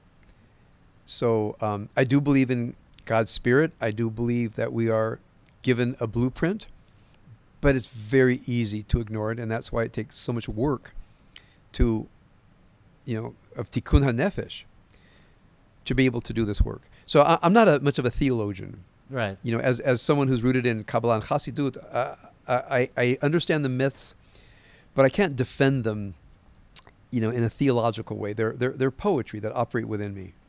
So my question is, uh, you know, ma nafkamina, like what do I do now? So these, it for example, this myth teaches me how to read the Bible. So I'm able to read the Bible unafraid. I'm not afraid to meet the shadow. Remember the shadow of whoever wrote this, in my mind, was writing about a God with a shadow. Now, is that the real God? Is that Lurianic God? No. Because remember, my, my understanding of God is rooted in Lurianic Kabbalah. However, it's just weird. I know. I know it sounds uh, petty, but, but uh, it's weird that Abraham can't figure out who the true God is. It's Abraham, you know. If if anyone could tell if, if it's God or well, remember, or he's a character in a story. So why did the author write a story? This, this is, the, I- in my mind, the right way to phrase the question. right.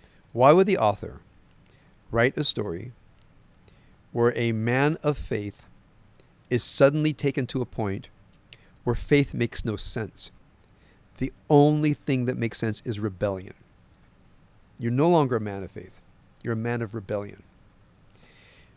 Okay, but to accomplish that, God's shadow has to appear. See, this is literature. Right. So the question is Is Abraham up to confronting the shadow of God like Job does? Abraham, I think, is existentially devastated. His world has collapsed. I don't know what Abraham's going to do Why doesn't the text tell the, tell us that he failed? The- because it's The test. literature and not it's literature. It's yeah, not. but the many many stories of the Bible want, want us to understand them, to learn a lesson from them. Even even if the lesson is Okay. nuanced and metaphorical, they still Uh, I don't. would expect the the text to to give us some kind of sign that he failed the test. He's been celebrated after his his um, you know, God gives him more promises after. after no, God never talks to Abraham again. Ah, They- that's the they last time never they're talk- talking, right? never talk to each right, other right, again. Right, right, right, right. Yeah. And I think the angel yeah. said, "Don't Right. ever speak to that man again." And I Ah, think Abraham said, "Don't ever speak to me again." right. They never spoke again. But God still keeps the pro- his promises. In a way. Yeah, it- it's What do you complex. mean in a way? Well. What was the promise? to make him a great nation and to um, to give him the country and all Okay, that. through Isaac and Rebecca, and there's more suffering. All right. And Isaac, and, it doesn't stop. okay. This promise, So they needed to to go through more tests to more suffering. more suffering. I don't think they were tests. I think is the existential tragic nature of the of the human being. I think this is part of what this author had in mind. So, you know, for for Jacob to receive the blessing, Jacob did not live a blessed life. no.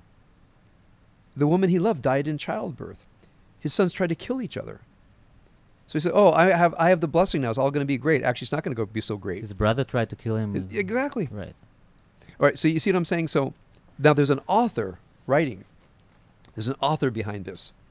So who, whoever the author is, he has a sense of the divine that is very complex.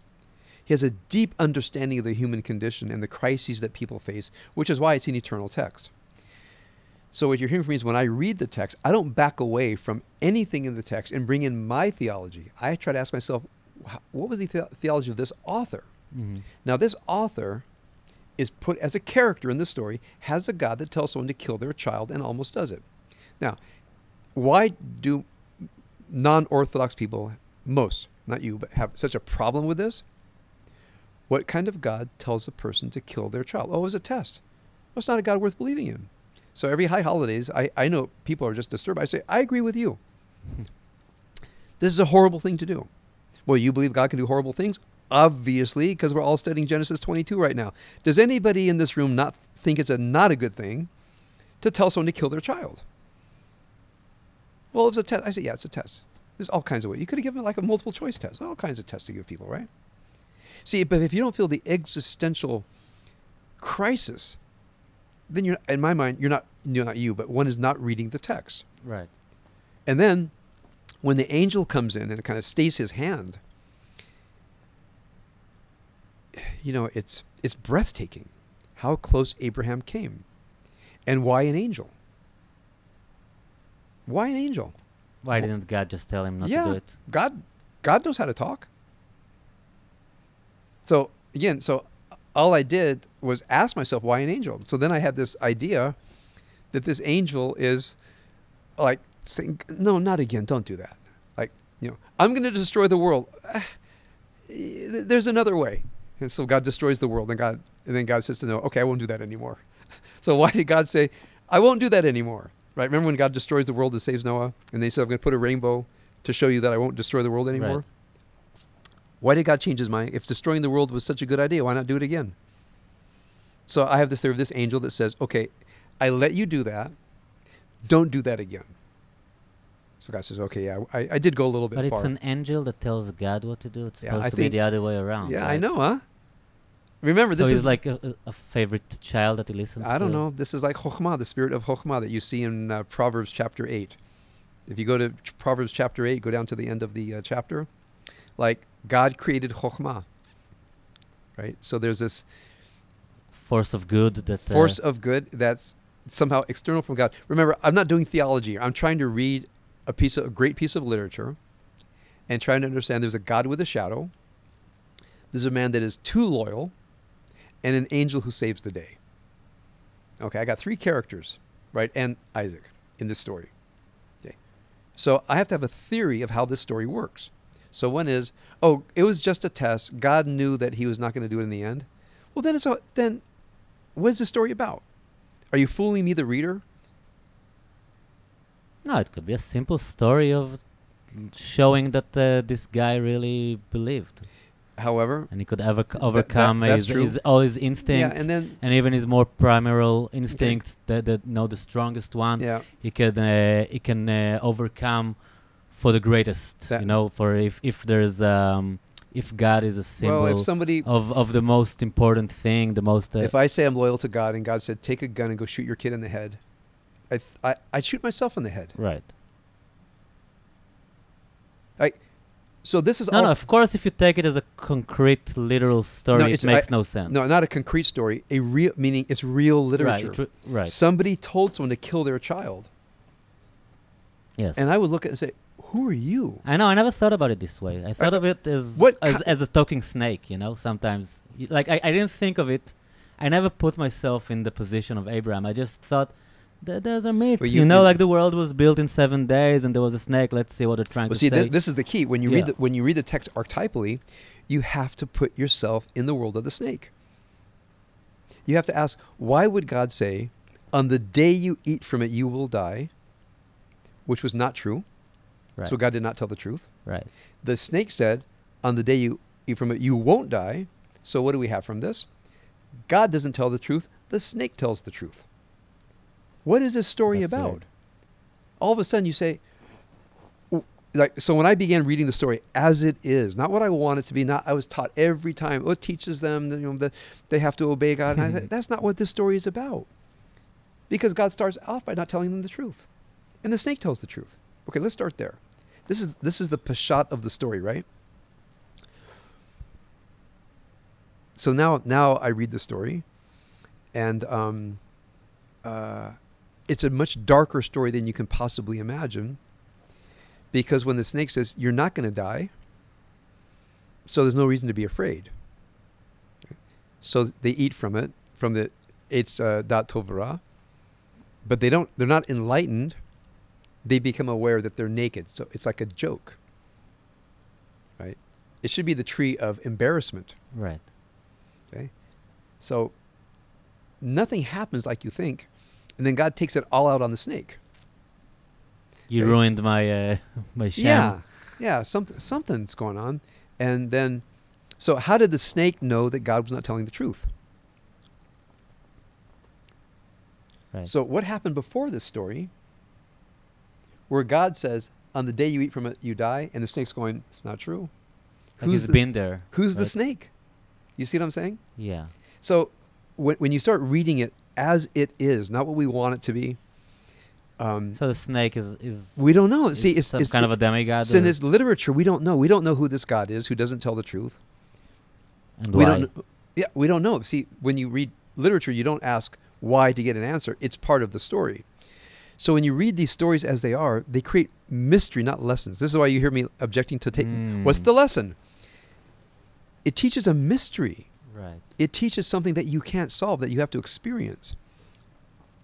Because So- if there was a lesson, it would have been a literal lesson. Yeah, it would have been You a- wouldn't need the story. It would be Aesop's would fables. just tell you something. Therefore, always obey God. Right. Yeah, you needed a, you needed this to tell me to always obey God. You could have just said obey God because it says that plenty of times, right? This is not about obey God. It's about something else. So how can you know what the something else is? Well, first you have to read the story, and not make excuses and not defend God. Just read the story. Somebody wrote this story. Now I believe there's the author of it had some sense of the divine, but he's writing a story that's that's not simple. And I believe that the that the book of Job filters through the Bible. I think that's a like I don't have I'm not a Bible scholar. I don't have any evidence for this. But the God of the book of Job is the like the concentration of the shadow of God that appears here and there throughout the Bible. Maybe the, the problem is that Judaism is so obsessed about being monotheistic, right? Very good point. Because in, in other religions it would just be another god that's causing the problem, but in Judaism they can't say uh, some someone else, and That's- they that's- know they know there's suffering in the world, right? So if there's suffering, God is causing the suffering. Yeah, very good. That's a very good point. Once we decide on monotheism, there's all kind. It solves one big problem, but creates twenty more. and secondly, the author of these stories is Shakespearean. He's not God's press agent. He's not writing stories where God comes out looking good. He tells you how life is. Yeah, something about how life is that includes many different characters, including a character called God who has a shadow. So I think I think it is more about how life is, not the nature of God. Um, so I, when people say, "Why did God do this?" I say, "Why did the character of God in the Mhm. story do this?" Mhm. Because it's literature, not journalism, and it's not theology. So when it became theology, I think it has it has made us not be able to read the Bible. Because these stories are magnificent and dark and strange, but when you think they're theology, you don't read the magnificent, dark, strange nature of these stories. So when I read them, they take me into the, the deepest mysteries of human existence. So how did they ha- these stories have this long-lasting effect if people weren't willing to deal with their Ah, true that's a great question. I think that people, in their soul instinct, knew there was something else going on, but nobody could say it. Right. You know, I, I taught this once in, in a room full of rabbis. And uh, there's an older rabbi sitting in the front row and said, How dare you teach this? How dare you teach this? And I said, You all know Hebrew. You've been reading every word with me. Is there anything that I'm saying that does not fit the Hebrew? This is what it says. The younger ones were looking at me and smiling. Wow, man, you taught us how to read this book. We've never read the story before. The older ones were very disturbed. They didn't say it's not true, right. but how could you teach it? Right. How they were paternalistic. They didn't want. They, They didn't want didn't- you to teach it out to other people. Yeah, They don't have a problem. very with that. good. Yeah, it might be true. Yeah. That- like why They're would afraid you? of the consequences of Yeah, people okay. hearing that. Very good. So uh, very well put. So my sense was is this will help people stay Jewish. Why? Because they they realize it's a text of infinite mystery and beauty. It doesn't answer questions, it raises mysteries. This is not the Peshat, always obey God. What secular person is going to say, thank you? No. If I say, however, this will take you into the mysteries of your soul, you will be disturbed. You will walk out, well, who is that angel? Who is that angel? Hmm. How do I find how do I find that angel in me that will tell me if you believe in something so deeply that you will do something evil, stop believing in it. That's is the salvation of humanity is the angel in the Akedah. You see what I'm saying? Yeah. But you of can't get there if we come in ready to defend God. So as you can see, I I uh, I love these stories. I've read them deeply. I don't come in with my own theological frame. I try to let them speak to me as they are. I'm not saying I have read them correctly. I'm I'm attempting to read them well. And every year I read them, something else comes up because their their their, their depths are inexhaustible. Uh, so start there with the you know with many parts of the Bible, and then you add on that all the other layers of our text. Uh, You mean that the Agadah the, the, the- yeah, the about? midrash, even Okay. even halakhic things, and then of course, so you add all of it together, it's a, it's a sublime, enchanted forest. And di- do you have an, an idea what make these stories so special? The author. The authors were writing a mystery. I have no idea what was on their mind. It, it's How did they succeed to do such a long-lasting myth that? Uh, Look, they clearly were working with old material. Some genius rearranged it. And I think the people who knew the original versions and heard what the person did with the new version said, You turned it from a story of the ancestors. Remember, they're not different from you and me. People haven't changed that much in 3,000 years. right.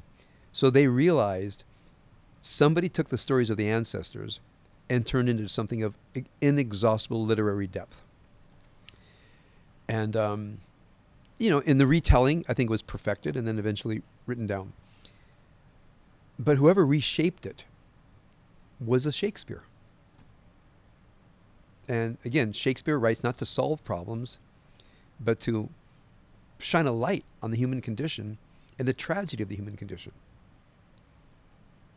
Yeah, and it doesn't necessarily offering you any solutions. then it wouldn't be literature. It would be a self-help book, right? Yeah. I don't mind writing self-help books, but only if we realize that after the self-help book comes the mystery. Wow. Yeah, that's very interesting. Do you have a favorite book? Is it Job, or do you have Uh, another favorite in- book? I, I- I don't like all the speeches in the middle of Job because I, I like Job. I don't like the friends of Job. Uh, I would say Genesis. yeah. I go back to again. But you know, outside of the Bible, my favorite genre is magical realism. Uh, 100 years of 100 years of solitude by Gabriel Garcia Marquez. Winter's Tale by Mark Helprin, Kundera. So you can tell by my non-biblical literature the way I read the Bible. I read the Bible like I read magical realism, which means it's true, but just not in the way we think of true. I don't know a truer book outside the, our tradition than 100 Years of Solitude. There's truth pours out of every page of that book. Right. I, I read it when I was like 14. I think I need to read it again. You gotta I'm read pretty it sure that uh, Every three that years. I've missed a lot of. Uh, yeah, you got to read it every every yeah. couple of years. It's um, it, it's just a miracle that that book got that that was written. And the rest of his works are not don't uh, reach that level, N- right? not- like not- they're good, but they're not as good as 100 Yeah, years. yeah. They, this book is this book is revelatory. This book is biblical in its. I have it at home. I thought of rereading it re- a few weeks ago, actually. Do you, do you happen to read Spanish? no. Okay, no. so the first you, line. you read it in the. in Yeah, the uh, my? Spanish is good. I can't speak Spanish, but Right. okay. So the first line in Spanish is um, I know it in Hebrew. okay. right. What is in Hebrew? Uh, it's about seeing the ice. That it took him to watch the ice for the Uh, first yeah, time, to right? see ice. To see ice, yeah. The Spanish is conocer, Which is, which is lahakir. mm-hmm. To no. Lahakir uh, shelig. Mm-hmm. That's different from la, lirot. Yeah, definitely. Look at that. So when I, when I, when someone said to me, "You have to read it in Spanish." Um, oh, the English is he took him to discover ice. Discover in Hebrew, I think it's just lirot. Lirot, exactly. So I, I have it in Hebrew. Yeah. I, the English is discover, and the Spanish is conocer. Not, um, you know, Right. to see. So, uh, I, I also have a Spanish edition, actually signed by the author. It's not a sensual thing. It's a cognition thing. It's a it's something an else. inner thing. It's- there you go. Thank you. yeah. Yeah. So um, uh, I've read the English with the Spanish sitting next to me, Huh. and it, ah, so okay. it- yeah, my so Spanish, if you're gonna stuck in something. yeah, I, I read the English and I read the Spanish, and I say, oh, Yeah. so yeah. It, it, I mean, so what I'm saying is that that book to me comes the closest to the mystery and depths of the Bible, that you don't read 100 Years of Solitude and say, what's the lesson? Um, I, I gave a t- I gave a talk on it once to the graduate school at USC. I was asked to be a, a speaker at an event. And I spoke about this book. And I said, you know, when we study the humanities, you know, it's the social sciences, the humanities. We're trying to understand in an, in an academic way. And the problem is, we want to get good grades, we want to get our degrees, then we lose the mystery. So I re- I've read a few passages from the book, and what I said to people is, now that you're done, find the mystery and never lose the mystery. I got, you know, I got a lot of applause, but you know, uh, an academic degree can kill the mystery. There's nothing worse in philosophy Yeah. than getting a degree in philosophy. Yeah, it's especially true about uh, poetry, I think, because uh, if if it was about saying something, you could just say it literally. Yeah. To, to just use the words. Very good. Yeah. It was it was about that thing. כן. Then, then he could היית have just said פשוט that. אומר את זה, Yeah, כאילו. e- ל- exactly you- right. You're using these Yeah. metaphors to say something you- which you you s- can't say. So you see, in a the- lot of my work is Yeah. alerting people to the mystery, and then you can tell when the person just goes, "Ah, the mystery." There's no, there's no lesson. There might be a lesson, but it's like the third thing down. But just to be taken into the mystery of the human condition and the mystery of the soul and the beautiful, inexpressible tragedy of our short lives and and the beauty that we don't see and somehow God is present in all Probably of this. most people that are coming to you want you to just tell them what to do, right? Uh, definitely in Th- their, These are the way people are. Like definitely in their marriages.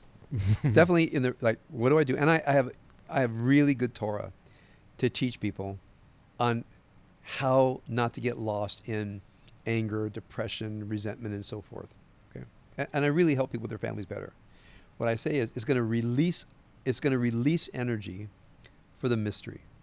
For example, that you're living with the soul of another human being. You can't see their soul if you're mad at them, or if you're being defensive or angry.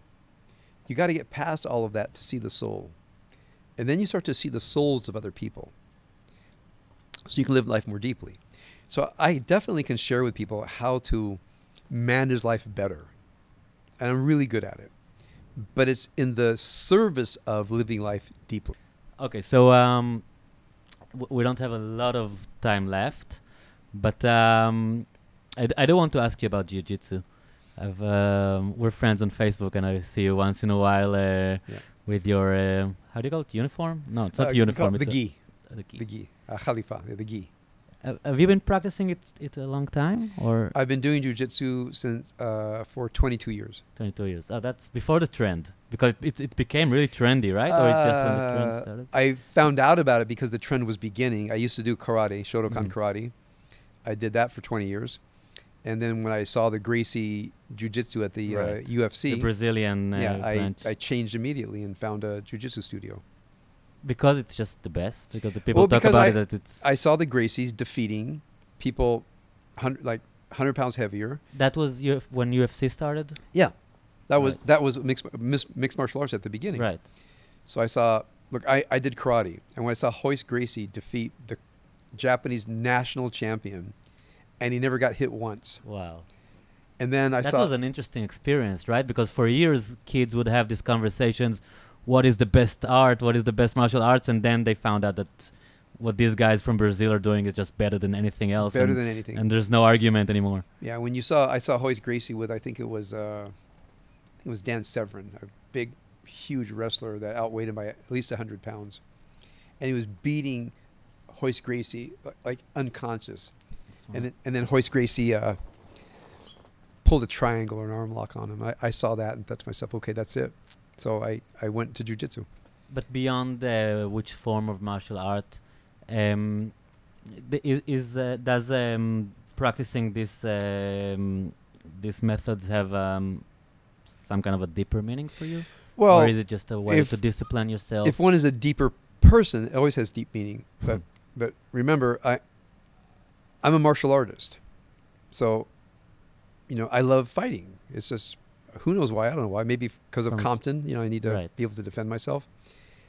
Um, but there's something where you give yourself over to a discipline, and what it means to go through a white belt. It's an embarrassing, humiliating experience to start all over again and know nothing and just I'm like I'm not here to win. I'm not here to get promoted. I'm here to turn myself over to the sport. And that's really important. For me to be 45 years old when I started, like very much at, at, you know top of my rabbinic game. You know, I was a really good rabbi, really good speaker, scholar in residence and all that. I go somewhere else and, I, and I'm a white belt. I remember thinking to myself, this is really good for my soul. I'm not the smartest guy in the room. Nobody cares what I have to say. I'm not giving any speeches. Right. I'm just learning the basics. And I thought this is very good for me. The concept of defeat is interesting. I know because we started with Leonard Cohen, and I know that was a, a big issue for him. He was dealing with the concept of losing and defeating, Mhm. uh, being defeated. His entire works from Mhm. his, I think, his first uh, collection is called "Beautiful Losers." Mhm. Right. Until until the very end, all the years, um, this this theme of uh, of losing, of be- being defeated, is always there. Mhm. Um, uh, do, do you have any thoughts Well, about that? you About know, this w- idea? uh, f- forget I- Leonard Cohen in general about this idea of defeat. Why is it? Uh, Well, I would say, I mean, Leonard said, um, if you see life as a three act play, the end of the third act is the tricky part. Like, we're all going to be defeated. right. And then the question is, are the, do the defeats mean you leave the game? So that part of a jujitsu player, which is there's always going to be something better, especially as they get older. Um, but I'm here to honor the game, not to win. And uh, if I fight well, then I'm better than myself yesterday. And then as you get older, you're not better than yourself yesterday, but you still stay in the game. So I think getting old doing jujitsu has been a real important part of my development as a human being. We we live in a in a time, and you live, I think, especially in a place, but it's like that uh, here as well. When winning is a big thing, Yeah. people are all about winning. You know, I, like um, I'm sure that many people come to you um, with a lot of questions and um, and trouble, but really they're bothered by them not winning by themselves. They're- like uh, they're- uh, I would say the largest reasons is they're frustrated why things are not working out with their families. They don't understand. I'm smart. right. I'm good. They're smart. They're good. We don't understand why we can't get this thing Why doesn't it work out? Yeah, and, and I, I can really help them with that. By the way, using some jujitsu ideas. You know, so when you're a white belt in jujitsu and someone's on top of you pressing on you, your instinct is to do something which is always going to get you submitted. So you have to do you have to train yourself to do something else. That's a very big part of my teaching. You can't trust your instincts when you get triggered. You have to train yourself to do something else. So I use a lot of jujitsu methods of training. Um, I would say at a deeper level, uh, jujitsu teaches you to be deal with incredible pressure in a calm way. So you can have somebody on top of you, choking you, arm locking you, and you just have a little centimeter ahead of them. If someone's trying to arm lock me and I can turn my thumb a little bit, then they're not going to get it. It's still painful, but they're not going to get it. And and then I got to work to get this out. So the worst thing you do is get upset, get scared, like someone's on top of you, can't panic. You know, so a lot of it is just resilience under pressure. That's a very big part of jujitsu. Is is as much as you can fight calm, be be precise, be efficient in your emotions, uh, in your emotions, and therefore in your the way you move your body. Um, Yeah, but I'm I'm I'm, I'm uh, intrigued by what you were saying that it's not about winning. You know, like there are y- there are a lot of methods that you can uh, learn and extract. yeah, uh, I, it is, but but um, for, but for the younger guys, it's about winning, yeah. but not as you get older. I, I've never, I've never been a particularly person interested in winning. I'm more in self mastery. That's by my personality. I, I'm not competitive. Uh, I'm more interested in self mastery, and if I, if I'm the best, okay, but that, I know it's not going to last. Um, but the the mental idea that when I go to the club, if somebody actually gives me full force, I know I'm probably not going to win if they're blue belt or above. If they're my weight, my size, I have to work very hard. By the time they're purple belts, forget about it. I go, I'll give them a good fight, but I'm not going to win. I'm not going to tap them out. They might not be able to tap me out, but I'm not going to tap them out. So I've got to go in there with a certain attitude. I'm here to honor the sport, and and they need a, a wise old black belt to teach them how to, you know, to master the sport. So my teaching is not so much I can beat them, but how to be a good citizen of the club. you, know, you get to a point where I'm teaching citizenship, not jujitsu. Do you find it to be a problem that people nowadays are too ambitious, or maybe having the wrong ambitions? Well, people have always been ambitious, and that's the human condition. There's, I think, people are more or less ambitious. Um, so I don't think in, I don't think in big terms. Mhm. I just think in my club, we have people that are focused on winning, and they oftentimes go too hard, too fast, too strong. My job is to pull them aside and say, "You're going to meet somebody bigger, faster, and stronger than you, and you're not going to win with your strength and speed. You're going to win with skill." And I just teach them how to slow down and be skillful. We'll say, "Well, if, if I don't use all my strength, they're going to pass my guard." I say, "And then what's going to happen?" Well, they're going to have a dominant position, and then what's going to happen? They're going to try to tap me out. So, so then you get to practice your side control defense. The world doesn't end. Well, they might tap me out. I said, and then what happens? Uh, nothing. I said, great. so how about if you learn to honor the sport, take your speed down to half, take your strength down to half, and honor jujitsu? It's not about your winning. It's about honoring the sport. You know, I have these talks with guys, and like they see me as a rabbi. Thank you so much, Finley. This has been great. You really got me centered. So there, I just take guys. I set them to the side. I said, "Look, um, can I talk to you for a minute?" And you know, I'm all the black belts do it. We each have the lower belts that we talk to. So there's a few guys that I I talk to. They are so appreciative because I'm teaching them how to honor the sport and not focus what on winning. What would be honoring the sport in life? What is the um, the the other side of the metaphor? What is the the nimshal? In the, if if if someone wants to understand like the deeper meaning of honoring the sport, Well, I think honoring the everyday life. sport partly comes down to what I'm going to call um, honoring the skills and disciplines of being a righteous person. It, it doesn't come from instinct. We all get triggered, we all get challenged. Some people respond with fear, some with confusion, some with anger, which are all inefficient. So, yeah, you should be prudent and you should be strong and you should draw boundaries, but people get drawn out of their center into thoughts, feelings, and emotions that are not righteous. So, you know, when someone's on top of you in jujitsu, right, it's frames, right? Move my hips. I don't have to I don't have to panic. I don't have to get scared here. I got a game. and I can always tap. So what it teaches you to do is there are skills of righteousness. Train your skills, practice your skills. You're going to be okay. Focus on your center. Like we say focus on your breathing. So focus on the the holy temple within. Not this thing that's happening outside of you. We each have a Mishkan Pinimi, an inner sanctuary. You got to go to that place. And you have to ask what behaviors emanate from the temple within. Now that takes a lot of training and daily training. So if part of what jiu-jitsu is, watch your breathing, go inside, you know, practice your skills, then it's very similar to life. You know, go to your center. We don't we don't I would say focus on nishima, I would say focus on nishama, hmm. you know, focus on the soul and work your skills. Does that sound about right? Is that kind Yeah. of yeah. sounds sounds very right to me. Yeah. I Yeah, can I tell you in. Israel? yeah, So Israelis like to cut people off in line. right. So whenever somebody cuts me off, I just smile. I say, I wonder what their day is like where they think that's the right thing to do. You know, I've noticed that Israelis are not um, are, are not giving attention to the fact that they're doing that. They don't know. They don't know that they're crossing the lines. I, I met a guy from, from the States a few weeks ago, and he told me how someone crossed him in the line.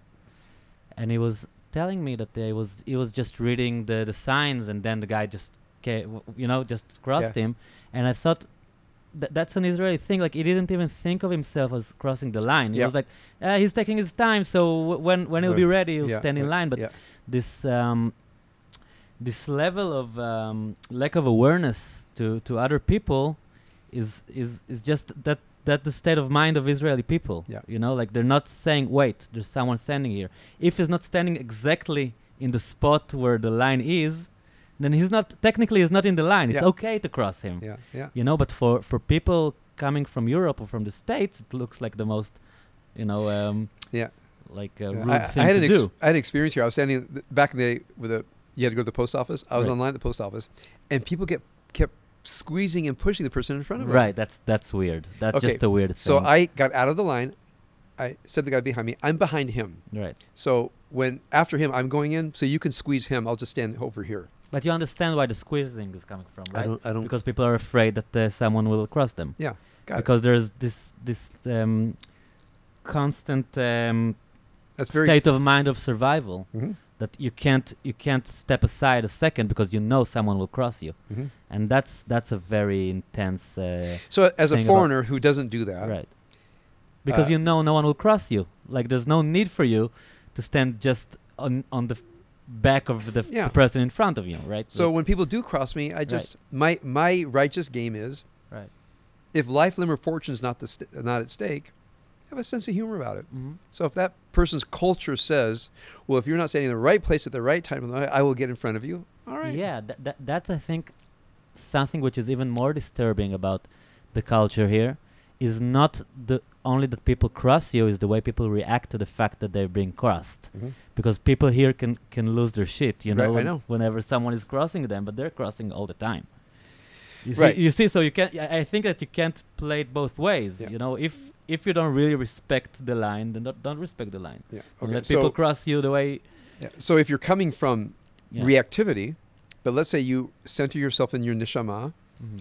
and you're at the kiosk or you're in the store and you have that sense of I'm connected to my soul right and somebody cuts in front of you, you just hey, there's yeah, a you're not even in a hurry to anywhere. That's that's the weird thing about it, you know. Like, why are you so bothered about about it? So my job is not worry about them, Yeah, stay connected to my soul. If I need to, I will touch the person. I said, "You understand? I, w- I, was standing here." They Yeah, go, "Oh, slicha, slicha," because I'm very gentle. I'm not Mhm. upset. Mhm. Right? You're just uh, making I aware, just want to make them aware, and they always go, "Oh, slicha, slicha." right? Because they w- don't want to think of themselves as someone who's crossing the line. Yeah. That's that's another weird thing Yeah, about yeah. the culture here. That no one would admit that he's crossing the line. He, he would admit, but he doesn't think he's crossing the line. Yeah. If you'll tell him, he, w- he will come up with an excuse. Mhm. No, I thought you were that. I thought you were this. Yeah. So I say, eh, "Nochachta shani po, shani umed po." Mhm. They say, "Oh, slicha." If I say, "Ma pitom, mato says it," right? If I would like attack, they would Right. defend. Right. I don't attack. I Mhm. just say, "Are you aware that I'm here?" Right. And they go, like. That's interesting. like I had a guy say to me, "You're so patient." I said, "I've decided to be patient. I'm not a patient person. I'm a very impatient person. I decided to be a patient person." Yeah, it's just interesting that people are not even in a hurry and still they would lose their mind Well, it's part of their over a situation like this just because of the stress and the But survival Let's say you're right. Let's say it's the culture, Yeah. and there are bad things in every culture. right. So you ask me about jujitsu. What does jujitsu say? It doesn't matter what the culture is. It doesn't matter what other people do. I'm going to follow. I'm going to follow my game. I'm going to follow the training. So my training is don't be impatient. You know, don't get upset with people. Uh, confront their humanity in a gentle way and let them do what they need to do. Now that takes training. This is not my nature. I'm a hot-headed fighter in my nature. So my jujitsu says I don't have to get upset. I can stay calm, go to my center, and just, you know, use my skills. So, so my skill is take a breath. You know, What do you think of, of the Israeli frankness about the fact that people are so being so frank here, so direct and and um, I don't mind it. I'm married to an Israeli, so I, Right. I, I like I understand Israeli culture, and and uh, you just don't get triggered by it. You know, people say stuff, and just like look, when you decide to stay in your center. Okay, uh, if I may give you a metaphor, so in Yeah. jujitsu, but what if they're really pressing on me and really squeezing my life out? I say, well, that's when you don't do jujitsu. Is that what you're saying to me? Like I'll do jujitsu until it's a real fight, and then I won't do jujitsu. That's when you really do jujitsu. The more they press on me, the calmer I get. The more they press, the calmer I get. The more I press, I put a frame.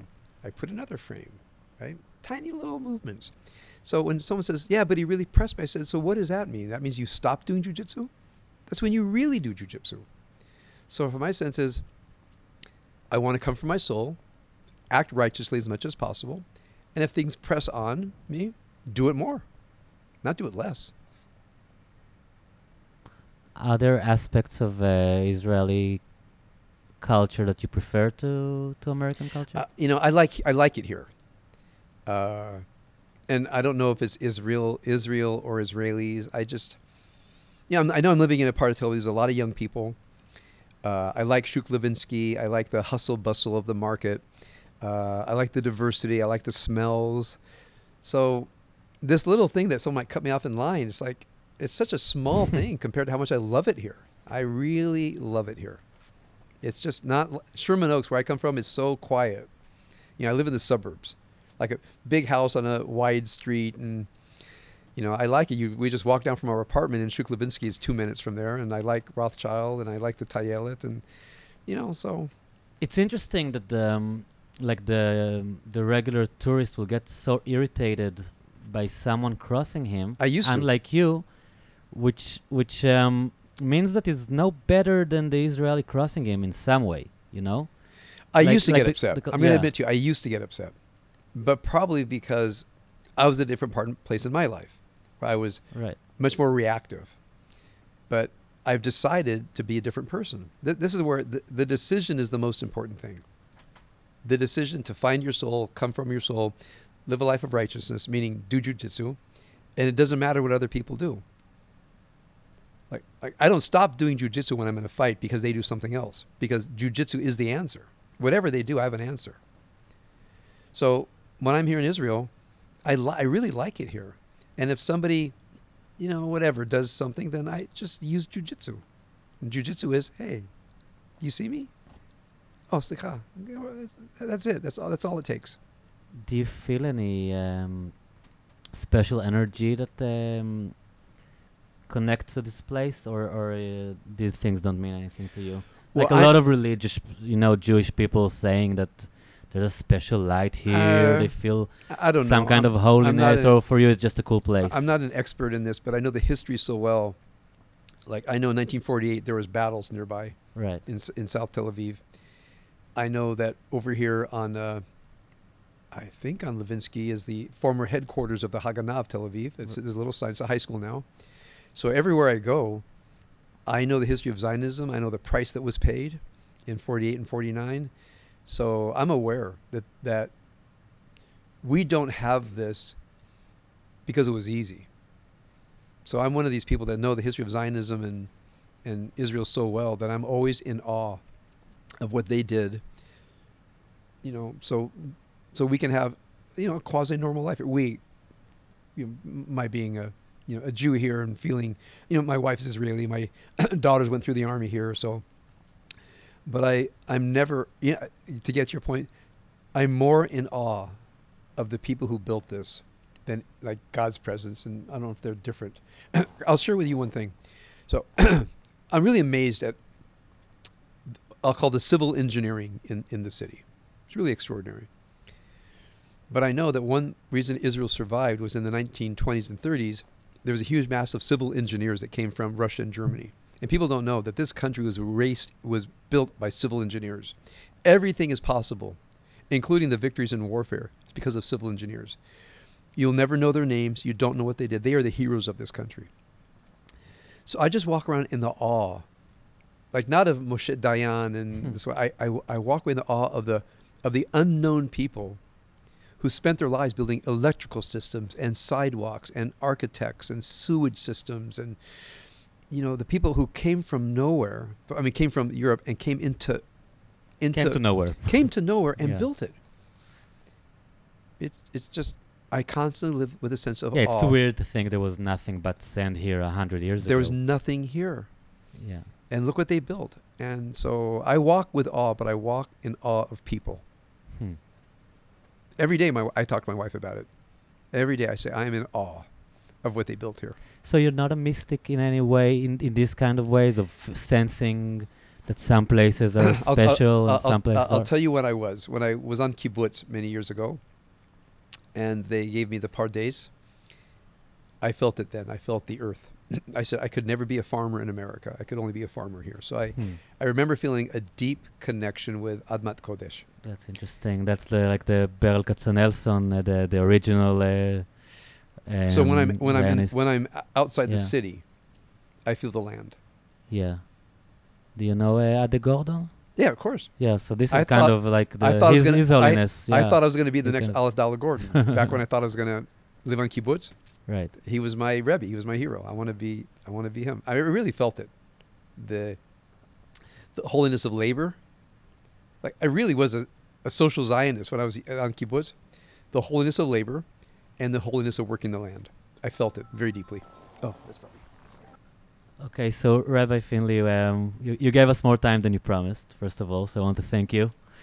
And uh, I, I really want to thank you again for this beautiful conversation and for being so uh, open and Thank you. It's been very deep, very real. Did not expect this, and thank you so much. It's been an honor and a pleasure. And you're always welcome in your next visit to Israel. We're going to take you up on that. Yeah, I, I offered the the rabbi and his wife to to maybe have some kind of a talk here, Yeah. right? The next time you're here. Okay, so we'll, let people know. Okay. If, if yeah. it will be an open talk, yeah, then yeah. maybe. I live nearby, and we'll. Uh, okay. we're, this, is- this is going to be our home away from home. okay. All so again, thank you so much, My and uh, have a nice time Okay. here in the Thank rest you of your visit. you so much. Bye bye.